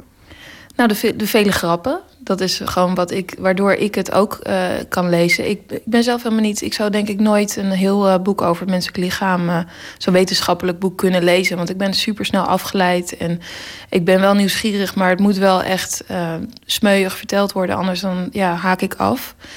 En daardoor is het een hele goede test. Als ik dat van hem lees, dan blijf ik gewoon lezen. En dat is omdat het een korte stukken is, omdat het grappig is, omdat het interessant is. En eh, daarom blijf ik het lezen. En daardoor denk ik ook gelijk, ja, dit wil ik illustreren. Wat ik het grappige vind aan, aan jullie allebei, jullie stijl, het is inderdaad allebei heel grappig. Het is ook allebei volgens mij voor kinderen zonder dat het kinderachtig wordt. Nou, dat is heel belangrijk. Hè? In de kinderboekenwereld heet dat op de hurken. Als je echt in een soort kindertaal gaat schrijven. En dat is, eh, ja, er worden nog een paar van dat soort boeken uitgegeven, maar over het algemeen niet hoor. Dus, eh, maar dit is heel belangrijk. Wij zijn volwassenen en wij spreken met onze eigen stem spreken we kinderen aan. Dus dan moet je vooral niet kinderachtig gaan doen. Ik weet ook nog heel goed van vroeger hoe, hoe irritant dat is als mensen zo vet cool party gaan zeggen. Weet je wel? En dan denk ik, nee mam, het is gewoon een feestje. Weet je wel, je wil niet, je wil niet dat ze zo gaan doen, want dat werkt gewoon niet. Ik, ik las vroeger, eh, pikte ik de, de, de ehm, hoe noem je dat ook weer, van die bankboekjes van mijn moeder en, eh, en de eh, woordenboeken. Gewoon om, omdat het lekker mysterieus is met heel veel getalletjes erin. En dat, ja, je wil helemaal niet dat, dat volwassenen zo'n kindertaal proberen te spreken. Want dat ku- kunnen ze niet, want dat zijn volwassenen. En dan moet je dat ook niet proberen in, in je illustraties. Dat, zou, dat sla je gewoon gelijk de plank mis. We zijn een kleine 500 jaar terug in de tijd. In Padua in Italië. Hier staan we in het pikken donker op het kerkhof. Samen met Andreas Versalius. Wat gaan we doen? We gaan op zoek naar nieuwe graven. Vesalius heeft namelijk verse lijken nodig voor zijn onderzoek. Hij wil weten hoe ons lichaam in elkaar zit. Nou, hier heb ik een Italiaanse achtergrond eh, getekend met eh, daarnaast eh, drie soorten mensen. Eerst de dief, die dan opgehangen werd en daarna als studieobject werd gebruikt. Dus hij staat eerst als dief en, en daarna staat hij als, helemaal in de spieren en daarna staat hij als skelet. Jij hebt ehm, goed gekeken naar, naar wetenschappelijke illustraties. Ehm, kan je dat makkelijk loslaten of wil je dat niet? Ik, ik, kies daar elke keer heel bewust voor. Dus dan zoek ik bijvoorbeeld een hart op. Maar je zou je verbazen hoe ontzettend veel harten er eh, op een verschillende manier getekend zijn. Dus je moet heel goed kijken, is dit, eh, eh, klopt dit of klopt dit niet? Letterlijk bij een hart. En ehm, eh, nou ja, dat, dat zoek ik op. En vervolgens kies ik dan de meest betrouwbare. En dan moet je ook nog maar afwachten of dat ook echt zo is. Dat wordt natuurlijk wel gecontroleerd, maar... eh, nou ja, dan kies ik er eentje waarvan ik denk, nou deze, dit, dit is een goede. En eh, bij sommige ehm, teken ik hem echt zoals hij, zoals hij zit, maar dan natuurlijk wel met heel veel eh, details om het, om het wat aantrekkelijker voor het oog te maken. En bij sommige ehm, maak ik er compleet iets anders van. We hebben inderdaad ook een stukje waarbij bepaalde cellen ontleed worden. En dan het ene wordt vergeleken met een fabriek, de ander met een, eh, een bank, de ander met een, de- het hoofdkantoor. Eh, ja, daar laat je dat weer helemaal los. Ja, hoeveel vrijheid mag je nemen bij zoiets? Het luistert wel nou. Ik vind wel dat je dat het moet wel kloppen. Maar het, moet, het belangrijkste is, is dat, het, eh, dat je ernaar blijft kijken. Dus als het te saai is, dan ga ik daar wel, ga ik daar wel een beetje mee aan de haal. Je houdt ervan, hè? Van die kijkplaatjes waar heel veel details in zitten. Zodat je daaraan vast blijft kleven eigenlijk. Ja, ik stop er altijd wel een paar grapjes in. En, eh, zodat kinderen die daar echt langer naar blijven kijken... eh, ook beloond worden met iets wat hun dan gaat opvallen. Ja, want ik, dat- nou ja, dat weet ik gewoon nog van vroeger. Dat je wil gewoon eh, verborgen dingetjes vinden in tekeningen. En dat maakt het leuk. En dat probeer ik er altijd in te stoppen. Ehm, ja, op een gegeven moment gaat het in, je, in het boek ook over hieroglyphen en over kijken. En toen vond ik het wel heel erg leuk om zo'n kijkplaat te maken. Weet je wel, dat je zo, als je ogen getest worden, dan moet je ze zeggen wat voor eh, letters erop staan. Toen heb ik dat met hieroglyphen gedaan. En dat kan ik nu wel verklappen, dat is wel leuk. Eh, er staat ook iets. Dus als mensen het boek nou kopen en ze, ze zoeken even het, het alfabet in hieroglyphs op, dan staat er ook iets. Dat weet Jan-Paul zelfs nog niet, volgens mij. Heb jij dat als feitjesman helemaal nooit opgezocht? Nee, nee, dat, eh, zover eh, ga ik niet. Maar ik zou dat als kind wel zeker hebben gedaan. Ik had een boek waarin bijvoorbeeld eh, Joodse, Hebreeuwse letters stonden. En ik, ik, ik heb toen het Hebreeuwse alfabet uit mijn hoofd geleerd... in de, de, de ongelooflijk naïeve illusie dat ik het dan zou kunnen verstaan en begrijpen. Ehm, maar dat, dat werkte natuurlijk niet. Maar ik denk dus dat er kinderen zijn, zoals ik vroeger... die dat inderdaad gaan opzoeken. Het geheim van het leuke informatieve kinderboek zit hem volgens Jan-Paul Schutte en Floor Rieder dus ook in de details. In de enorme research. Maar het boek krijgt tot nu toe lovende recensies. Alleen NRC heeft er een bioloog op losgelaten, zag ik. En die heeft er allemaal foutjes uitgehaald. Dat is vast verschrikkelijk. Nou, dat is een groot compliment. Die bioloog heeft het, eh, heeft het behandeld alsof het door een, eh, een, eh, een, een, een medicus is geschreven, eh, een, een, een gediplomeerd bioloog. Nee, ik vind het echt. eh, ik, ik, ik ben er eigenlijk heel blij mee. Ja, echt waar. Al Voor een feitjesman moet... En het is een feitjesboek, dan moet het toch ook een klein beetje pijn doen? Wat er staat in die recensie, dat is het enige wat wel een beetje eh, pijn doet, is dat het betere redactie, eh, eh, eh, betere, redacteuren op ha- hadden moeten zitten. Maar ik geloof dat er tien doktoren het hebben nagekeken, een, een, een team van eh, vier eh, redacteuren en Jan Paul die twee jaar lang eh, eh, drie, eh, drie stapels eh, boeken ter grootte van zichzelf heeft gelezen. Dus dat is het enige waarvan ik dacht, nou, de- dat, dat klopt niet. Vooral het, het hoofdstuk over het brein zat vol met fouten volgens eh, deze man. Eh, maar het is door twee neurologen bekeken. eh, onder andere Dick Swaap. Maar deze recensent weet het beter. Hoe het ook zij. Misschien is het wel interessanter dat het boek biologie gebruikt om uit te leggen waarom racisme stom is. En dood zijn eigenlijk niet erg. Ja, net zoals eh, sommige mensen zeggen dat eh, homoseksualiteit onnatuurlijk is. Ik, eh, maak heel, heel duidelijk dat het totaal niet onnatuurlijk is. Ja, dat vind ik belangrijk. Of ik ben één keer zelfs belerend in het stukje over, over roken. Ik, ik hou helemaal niet van belerende boeken. Maar ik dacht van ja, als, ehm, als twee kinderen hierdoor eh, niet beginnen met roken, dan heb ik één mensenleven gered. Is dat voor jou een belangrijk onderdeel van kinderboeken of sluipt dat er gewoon in omdat het nou eenmaal past?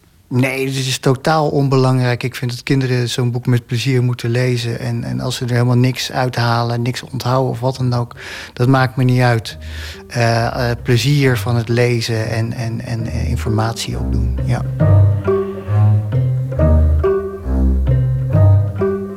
Schrijver Jan-Paul Schutte en illustrator Floor Rieder over het boek Het Wonder van jou en je biljoenen bewoners. Bijdrage van Floortje Smit. Eels is de Amerikaanse band rond singer-songwriter Mark Oliver Everett, beter bekend als E. En dit nummer komt uit 1996, Susan's House.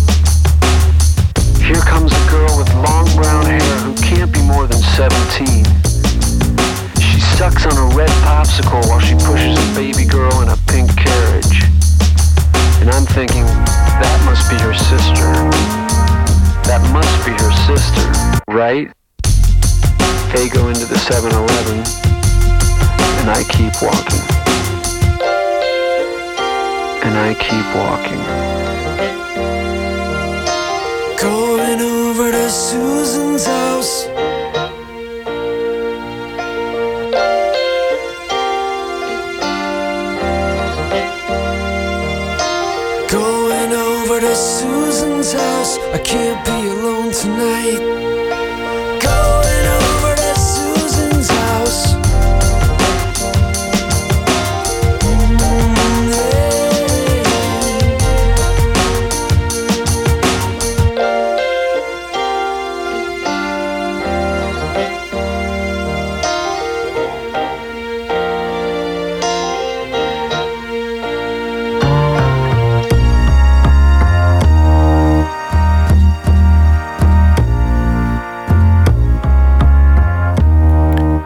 Susan's House was dat van Eels. Nooit meer slapen.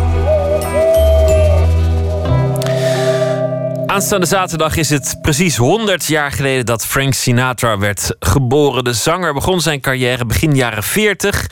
Heeft eh, opgetreden tot aan zijn dood in 1998. Werd wereldberoemd als jazzzanger. Vooral de stukken uit de American Songbook. Maar daarnaast had hij ook een belangrijke carrière als filmacteur. Botte Jellema's nachtcorrespondent en wil zich daar vannacht op richten. De filmcarrière van Frank Sinatra. Botte, hij heeft zelfs ooit een, eh, een Oscar gewonnen, Frank Sinatra. Ja, ja, klopt. En daar bleef het ook niet bij. Want eh, dat was voor zijn rol in de film From Here to Eternity eh, in 1954.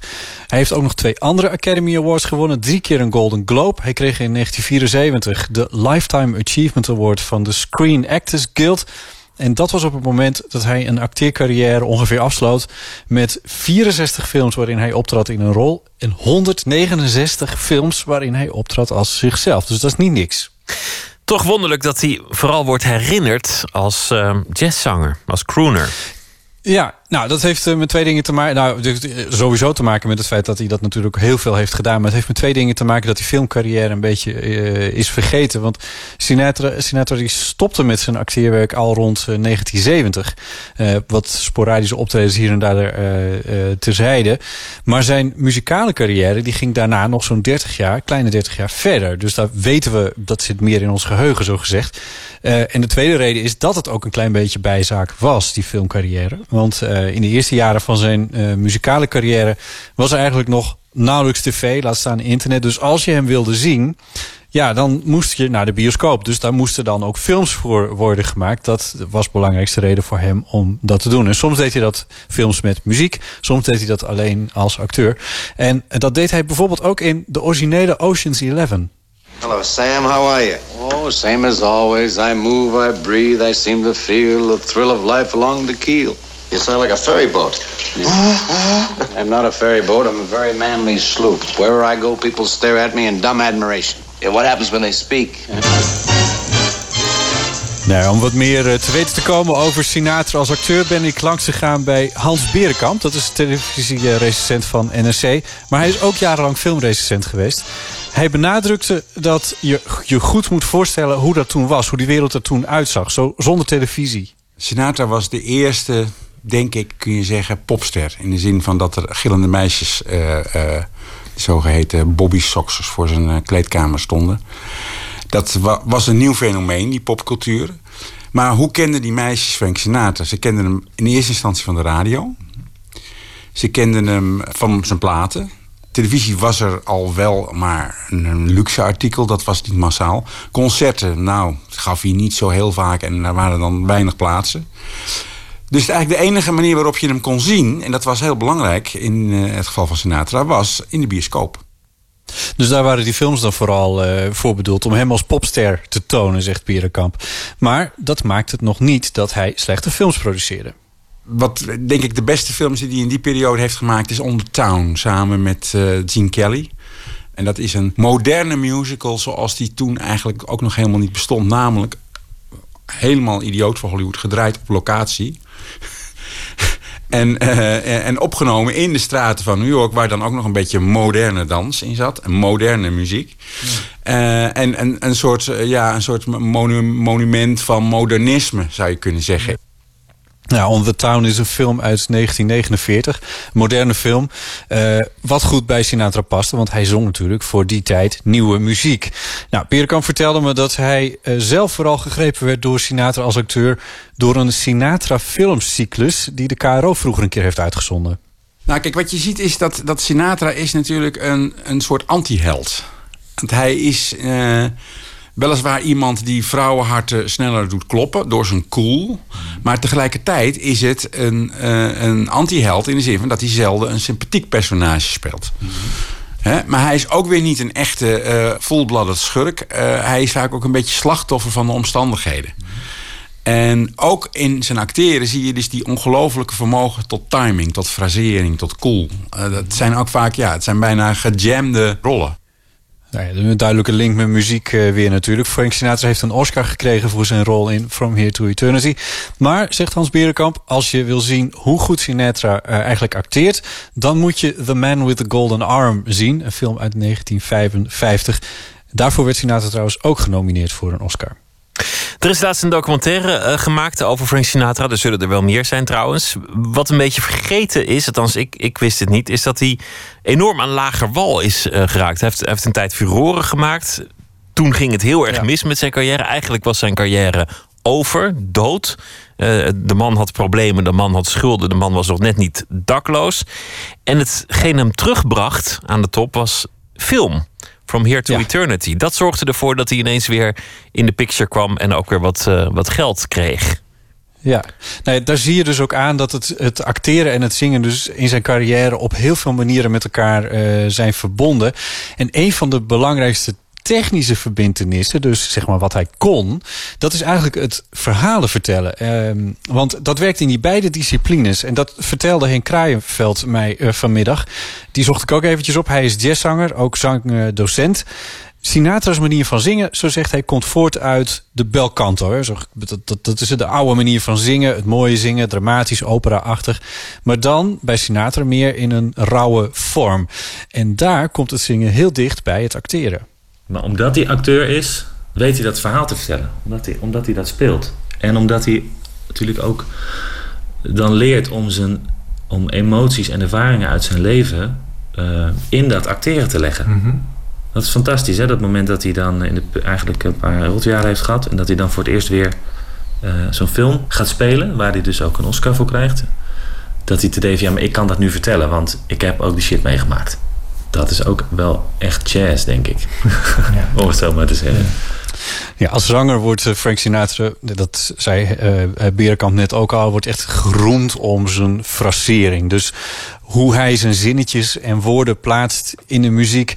En volgens Henk Kraaienveld komt dat echt voort uit storytelling. Wat Sinatra dus heeft geleerd bij het acteren in films. Ik keek met Henk eventjes samen naar een YouTube-filmpje... van hoe Frank Sinatra in 1974 bij een optreden in Madison Square Garden in New York... Angel Eyes zingt. En het is eigenlijk heel filmisch zoals hij dat doet. Zwalkend, verslagen, sigaretten rokend, rond de microfoon draaiend. Misschien is het wel een soort method acting. Alleen al voor zanger. Ja. Bijna vereenzelvigen met... Met een, een dronkenschap die je ooit Ja, had. ja, ja. Een liefde die je ooit kwijt Ja, bent. ja, ja. Vier keer getrouwd geweest deze man, geloof ik. Lucky people.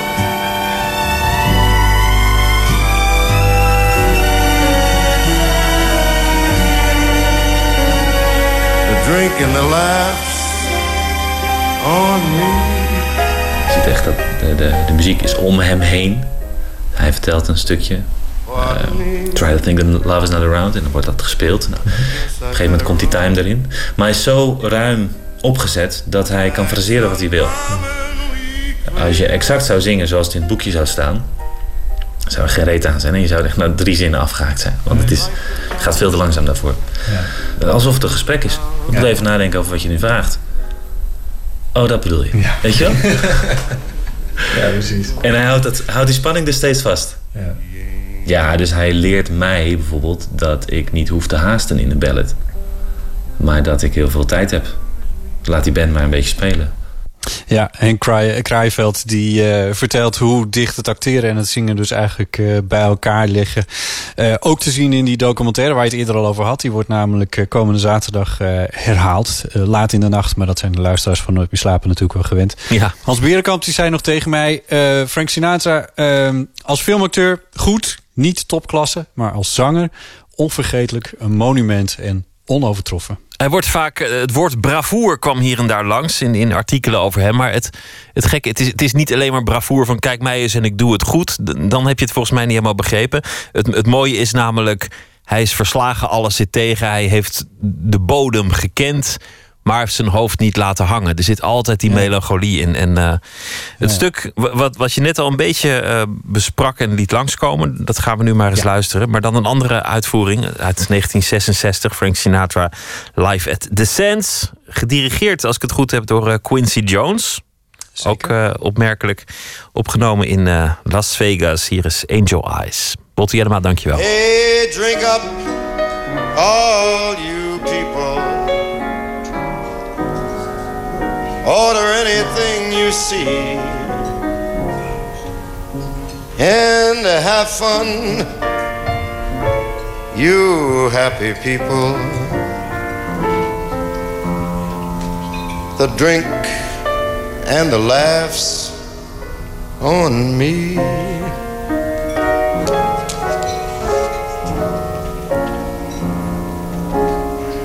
I try to think that love's not around.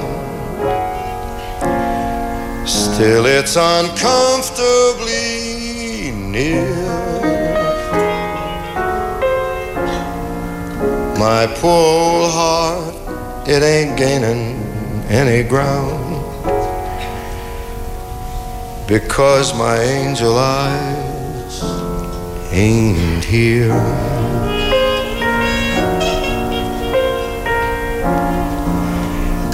Angel eyes, the old devil sent. They glow unbearably bright.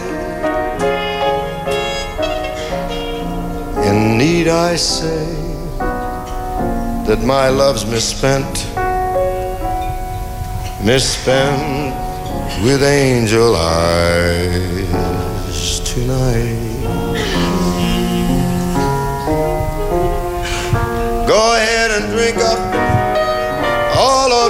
People.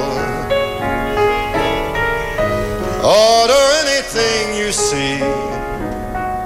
Have lots of fun.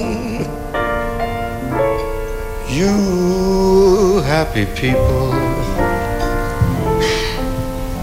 The drink and the laughs on me.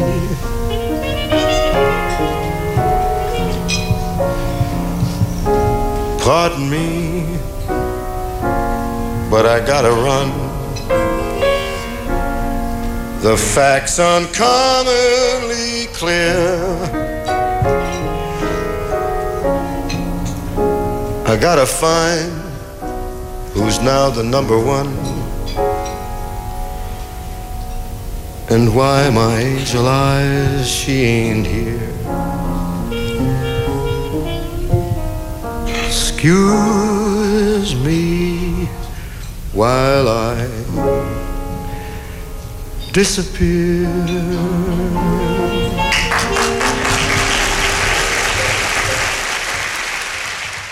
Angel Eyes van Frank Sinatra. Aanstaande zaterdag zou die 100 jaar oud zijn geworden.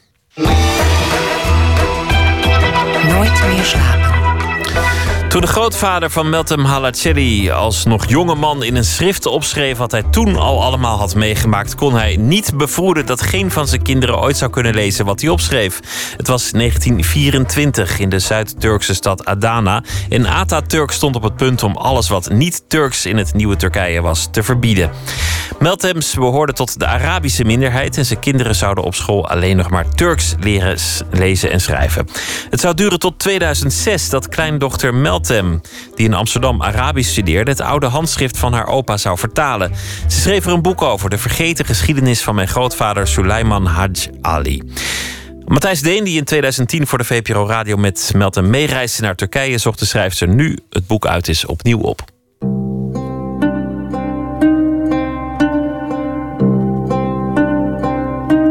O luister, mijn naaste broer. Het was op 1 april 1924, op een dinsdag. Onze vijanden hadden in de kranten geschreven dat ze de hele Arabische gemeenschap haten. Ze haten ons na alle steun die wij hen geleverd hadden toen we samen met hen waren in de dagen van de oorlog. We moesten van hen onze stad, onze huizen en ons levensonderhoud verlaten. We moesten mee naar de omstreken van Van en Sivas en andere steden om ons te verspreiden. Mogen ze naar de hel gaan. Wat een ongelukkige dag was dat. Wij raakten bedwelmd zonder wijn en de wereld werd duister voor onze ogen. Er was niemand die ons hielp of die zich om ons bekommerde of medeleven had. Ze pakten ons land en ons geld af en verdeelden het onderling. Ja, ze begonnen erom te vechten. Beste broeder, verwaarloos deze gebeurtenissen niet, maar leef je in alsof je met ons was. Zij hadden alle gesprekken met ons verbroken en alles vergeten wat we voor ze gedaan hadden. Dit citaat uit de memoires van Suleiman Hajali begon de documentaire die ik in 2010 met Meltem over haar grootvader maakte. We reisden daarvoor naar Adana in Turkije, waar Suleiman woonde en waar hij in 1924 zijn herinneringen opschreef. Hij deed dat in zijn moedertaal, zijn Syrische variant van het Arabisch, dat later door geen van zijn kinderen meer gelezen kon worden. En dat was misschien maar goed ook, want het was een bewogen verhaal over allerlei gebeurtenissen die volgens de stichters van het moderne Turkije maar beter vergeten moesten worden. Ging bijvoorbeeld over een pogrom tegen Armeniërs in Adana. Het ging over hongersnood, verbanning en mobilisatie. Het ging over gevechten bij Gallipoli en in Gaza en later tegen de Grieken. Het ging ook over krijgsgevangenschap in Egypte, over de invoering van de westerse seculiere staat en de daarbij behorende marginalisering van de Alawitische Arabieren, waarvan Suleiman er één was. Het Osmaanse Rijk van zijn geboorte was ter. En Atatürk had een republiek gesticht, het moderne Turkije, waarin alleen plaats was voor Turken die Turks spraken. Daarom kon niemand van zijn kinderen lezen wat hij in 1924 had opgeschreven. Tot kleindochter Meltem van haar vader het schrift kreeg, met daarin in dat nette Arabische handschrift het verhaal van haar opa. Meltem, die Arabisch studeerde, zette zich aan het vertalen, terwijl de familie in Turkije van grote afstand zich begon zorgen te maken. Misschien wist je nog dat die memoires eh, hierheen zijn gekomen, naar Nederland. En dat dat nogal wat spanningen heeft opgeleverd in de familie. Waarom weet je dat nog? Ja, mijn vader heeft dus toestemming gekregen om het te vertalen in het Turks. En eh, daarna was het de bedoeling dat hij het terug zou brengen bij mijn oom en Mehmet. Ehm, maar dan eh, gebeurt er iets. Eh, er worden dingen gezegd, eh, zoals ja, maar we moeten dat misschien schenken aan het Turkse leger. Toen dacht mijn vader, ja, maar dan verdwijnt het uit de familie. Dan krijgen we het niet terug. En dat vond mijn vader zo ehm, dramatisch dat hij dacht, ja, dan hou ik het. Ehm, en dat heeft tot, later, tot nu toe eigenlijk voor spanningen gezorgd. En ook een neef van mij die eh, zei: ja, maar we moeten eigenlijk die memoires door de Turkse vertaalcommissie. Dat, er is een uh, Turk Tarih Kurumu heet dat. eh, dat is een, een vereniging of een, ja, een instelling voor de Turkse geschiedenis. Er moeten acht mensen of acht professoren naar kijken. En dan eh, kunnen we pas echt weten wat erin staat. Dus ik, ik voelde al van, oh, misschien vertrouwt hij niet dat ik het kan. Of dat ik me bij de bron zal houden. Wat speelt daarmee, denk je? Want het was niet zo eenvoudig, geloof ik, om het te vertalen. Maar uiteindelijk is dat toch goed gelukt. Je weet wat er staat. Ja. Maar het gaat niet alleen maar om wat er staat, maar het gaat er ook om hoe werkt dit in de context van de Turkse staat. Ja, en dat is denk ik dat we het zo eng vinden. Waar het erom ging, was de angst dat ik ehm Mustafa Kemal Atatürk, degene die eh, nou, het secularisme heeft gebracht, zou zwart maken. Terwijl mijn boek gaat daar helemaal niet over. Het, heeft ook, eh, het is een persoonlijk verhaal van mijn opa. Eh, en ik heb proberen in te zoomen op zijn emoties. En vooral het feit dat hij zo vaak zijn huis moest verlaten. Zijn leven wordt overhoop gehaald. Eh, en maar heel klein, een heel korte periode van geluk heeft gekend. Wat volgens mij voor hem wel cruciaal is. In deze dagen wonen wij in Mersin. Wij waren daar twee jaar eerder gaan wonen omdat wie daar verbleef vrijgesteld was van dienst. We hadden daar een boomgaard en landbouwgrond waar we erg gelukkig mee waren. Maar na ontspanning komt altijd alleen maar ellende en iedereen die verstand heeft weet dat deze wereld verraderlijk en bedrieglijk is. Wie van de wereld houdt, wordt beledigd en wie goed van vertrouwen is, wordt beloond met verdriet. Het huis waar wij neergestreken waren werd in brand gestoken en we wisten niet door wie. De voedselvoorraden, de spullen en het geld, alles verbrandde. Als de Allerhoogste God ons geen goedheid getoond had, waren wij ook verbrand. Want het gebeurde s'nachts. We gingen tevreden naar bed, maar toen we wakker werden, waren we in armoede gedompeld.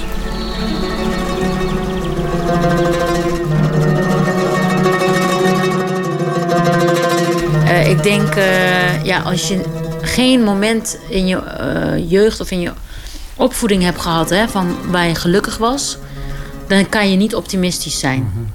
En dat was ook een reden en ook het geloof. Mijn opa was heel vroom.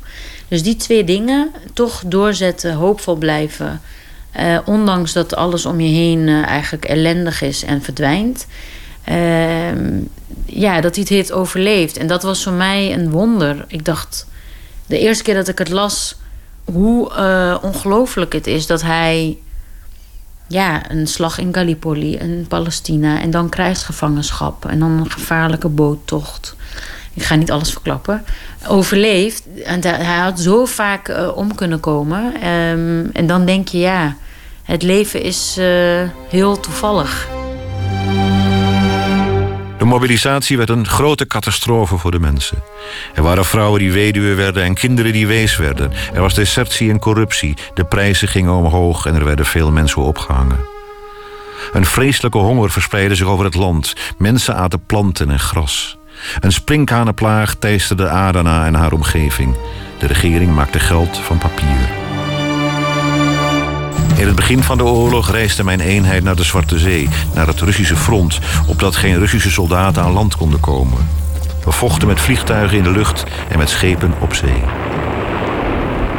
Maar na een tijd gaven we de plaats over aan een andere eenheid en reisden we naar Gallipoli. Vier maanden hebben we daar gevochten. Je zag de gevechten op zee, op forten, op het vasteland... en de vliegtuigen in de lucht en de bommen die afgevuurd werden met kanonnen. Er was nooit iets soortgelijks gebeurd. God is alwetend en dit zal een menselijk verstand nooit kunnen begrijpen. Hij, hij keek naar de wereld als een, als een gelovig mens. Ja. En dat komt ook uit die tekst naar voren. Mhm. En hoe ben jij nou naar hem gaan kijken? Ja, ik kijk ook nog eens, nu nog meer naar hem als een vrome man. Op sommige plekken rechtlijnig. En ook ehm, trots. En ehm, dat hij er wel moeite mee had dat er zoveel veranderde. Vind je het ook nog voorbeeldig? Of denk je van ja, er zit zoveel tijd tussen. Is, heeft niks meer met mij te maken. Nou, jawel, want hij heeft, eh, wat ik zei, hij is heel gelovig. En dat, dat eh, hoor je ook in die memoires. In die Ben jij toch niet Melten? Nee, maar ehm, je kan heel snel, bijvoorbeeld als je iemand ontmoet, aanvoelen, nou die, daar kan je vrienden mee worden of niet. Die gunt jou iets of niet. Dus een soort van negatieve energie of positieve energie. Dat, hij was soldaat, eh, dus hij kon niet kiezen waar hij naartoe ging. Hij kon niet, hij kon niet reizen, hij was arm. Maar hij wilde wel graag reizen. Hij had oog voor schoonheid en architectuur. En als hij in Egypte komt, dan zegt hij niet... oh, we zitten vast en we zijn, op, zijn nu gevangenen. Nee, hij zegt, eh, wat een prachtige stad. En een rivier de Nijl, waarvan het water zoet is. En We arriveerden in Egypte, in Kantara bij het Suezkanaal. Daar gaven ze ons brood. Met wierook doden ze de luizen. We kregen allemaal een nummer en staken het kanaal over via de brug... die een lengte had van 165 meter. We gingen in een trein, reden acht uur en kwamen aan in Cairo.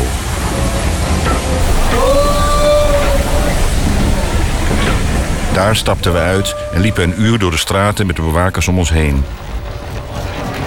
Oh, wat een stad is Cairo. Toen we zagen hoe mooi het was, vergaten we onze zorgen een beetje. Kijk, in de introductie schrijft hij ook... Mijn, eh, ik heb zoveel meegemaakt en zoveel angst geproefd... en ellende meegemaakt...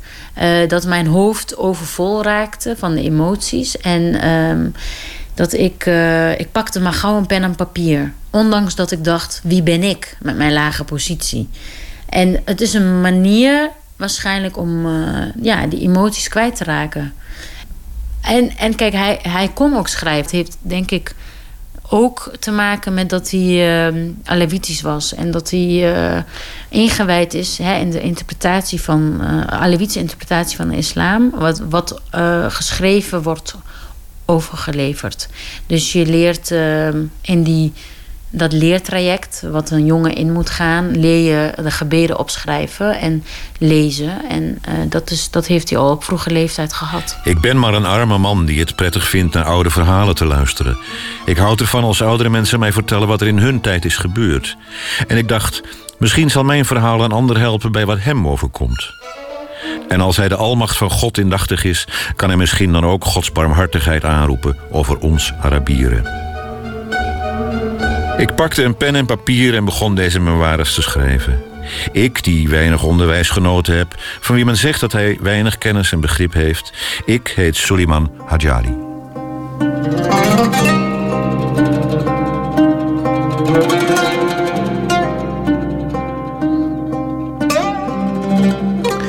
Over de vergeten geschiedenis van mijn grootvader Suleiman Haj Ali van Metem Halacelli. Een boek dat eh, vanaf heden verkrijgbaar is. Een bijdrage van Matthijs Deen. In 2015 overleed hij B.B. King. We gaan luisteren naar eh, een van zijn stukken Back in L.A.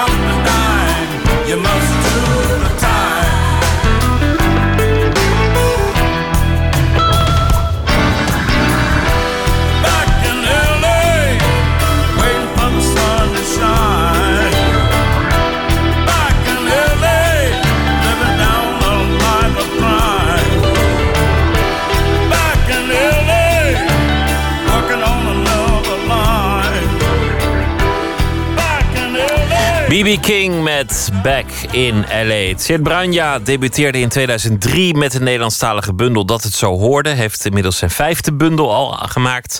Binnenwereld, buitenwijk, natuurlijke omstandigheden. Deze week zal hij elke nacht een van zijn favoriete gedichten uitkiezen en voordragen. Dit keer is dat een eh, gedicht van Ricardo Domenech. Tekst waarin de dichter zijn 25-jarige minnaar viert.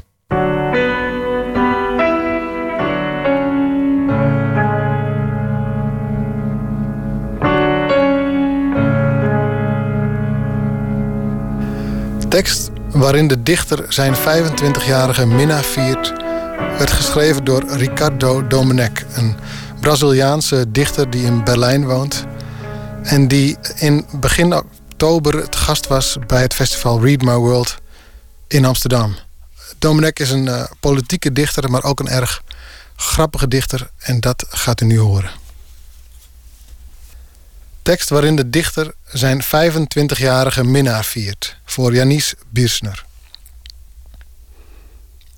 Er waren oorlogen die langer duurden dan jij. Ik wens je geluk vandaag, want je overtrof met succes de levensverwachting van een giraf of een vleermuis, oude koe of wurgslang, uil.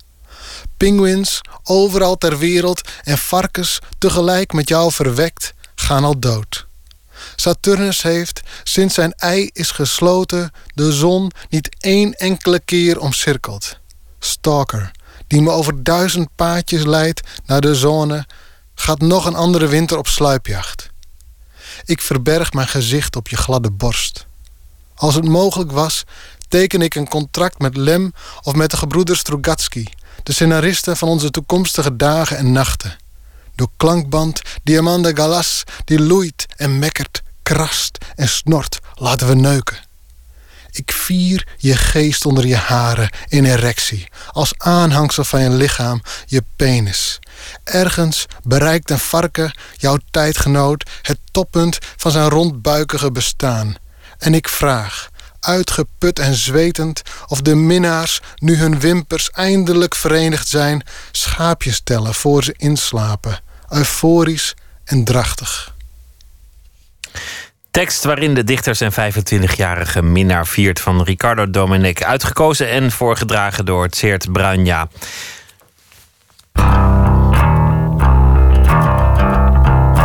De balans van 2015. Het was een bewogen jaar. Aanslagen in Parijs, stromen vluchtelingen in Europa, de dood van Joost Zwageman en misschien maakte u privé iets ingrijpends mee. Wij zijn benieuwd. Wat was dit jaar voor u een belangrijke film of cd? Welk boek of toneelstuk heeft uw blik op de wereld verruimd of veranderd? Of heeft u met een bijzonder liedje iemand de liefde verklaard? Laat het ons weten. Stuur een mail naar nooitmeerslapen.vpro.nl en maak kans op een cadeaubon. Uw mooiste verhalen zijn in de kerstweek te horen op de radio. Morgen in Nooit meer slapen de Antilliaanse acteur en regisseur Remy Sambo, bekend van uh, vele rollen All-Stars en Spanga's. En initiatiefnemer en artistiek leider van theatergroep VIG. Die wil uh, iets doen tegen het generaliserend denken over groepen in de samenleving. Onder meer via het theater. Dat morgen in Nooit meer slapen. Nu een hele goede nacht, morgen een leuke dag. En zometeen op deze zender De Vara. Ik wens u uh, veel plezier en graag weer tot morgen.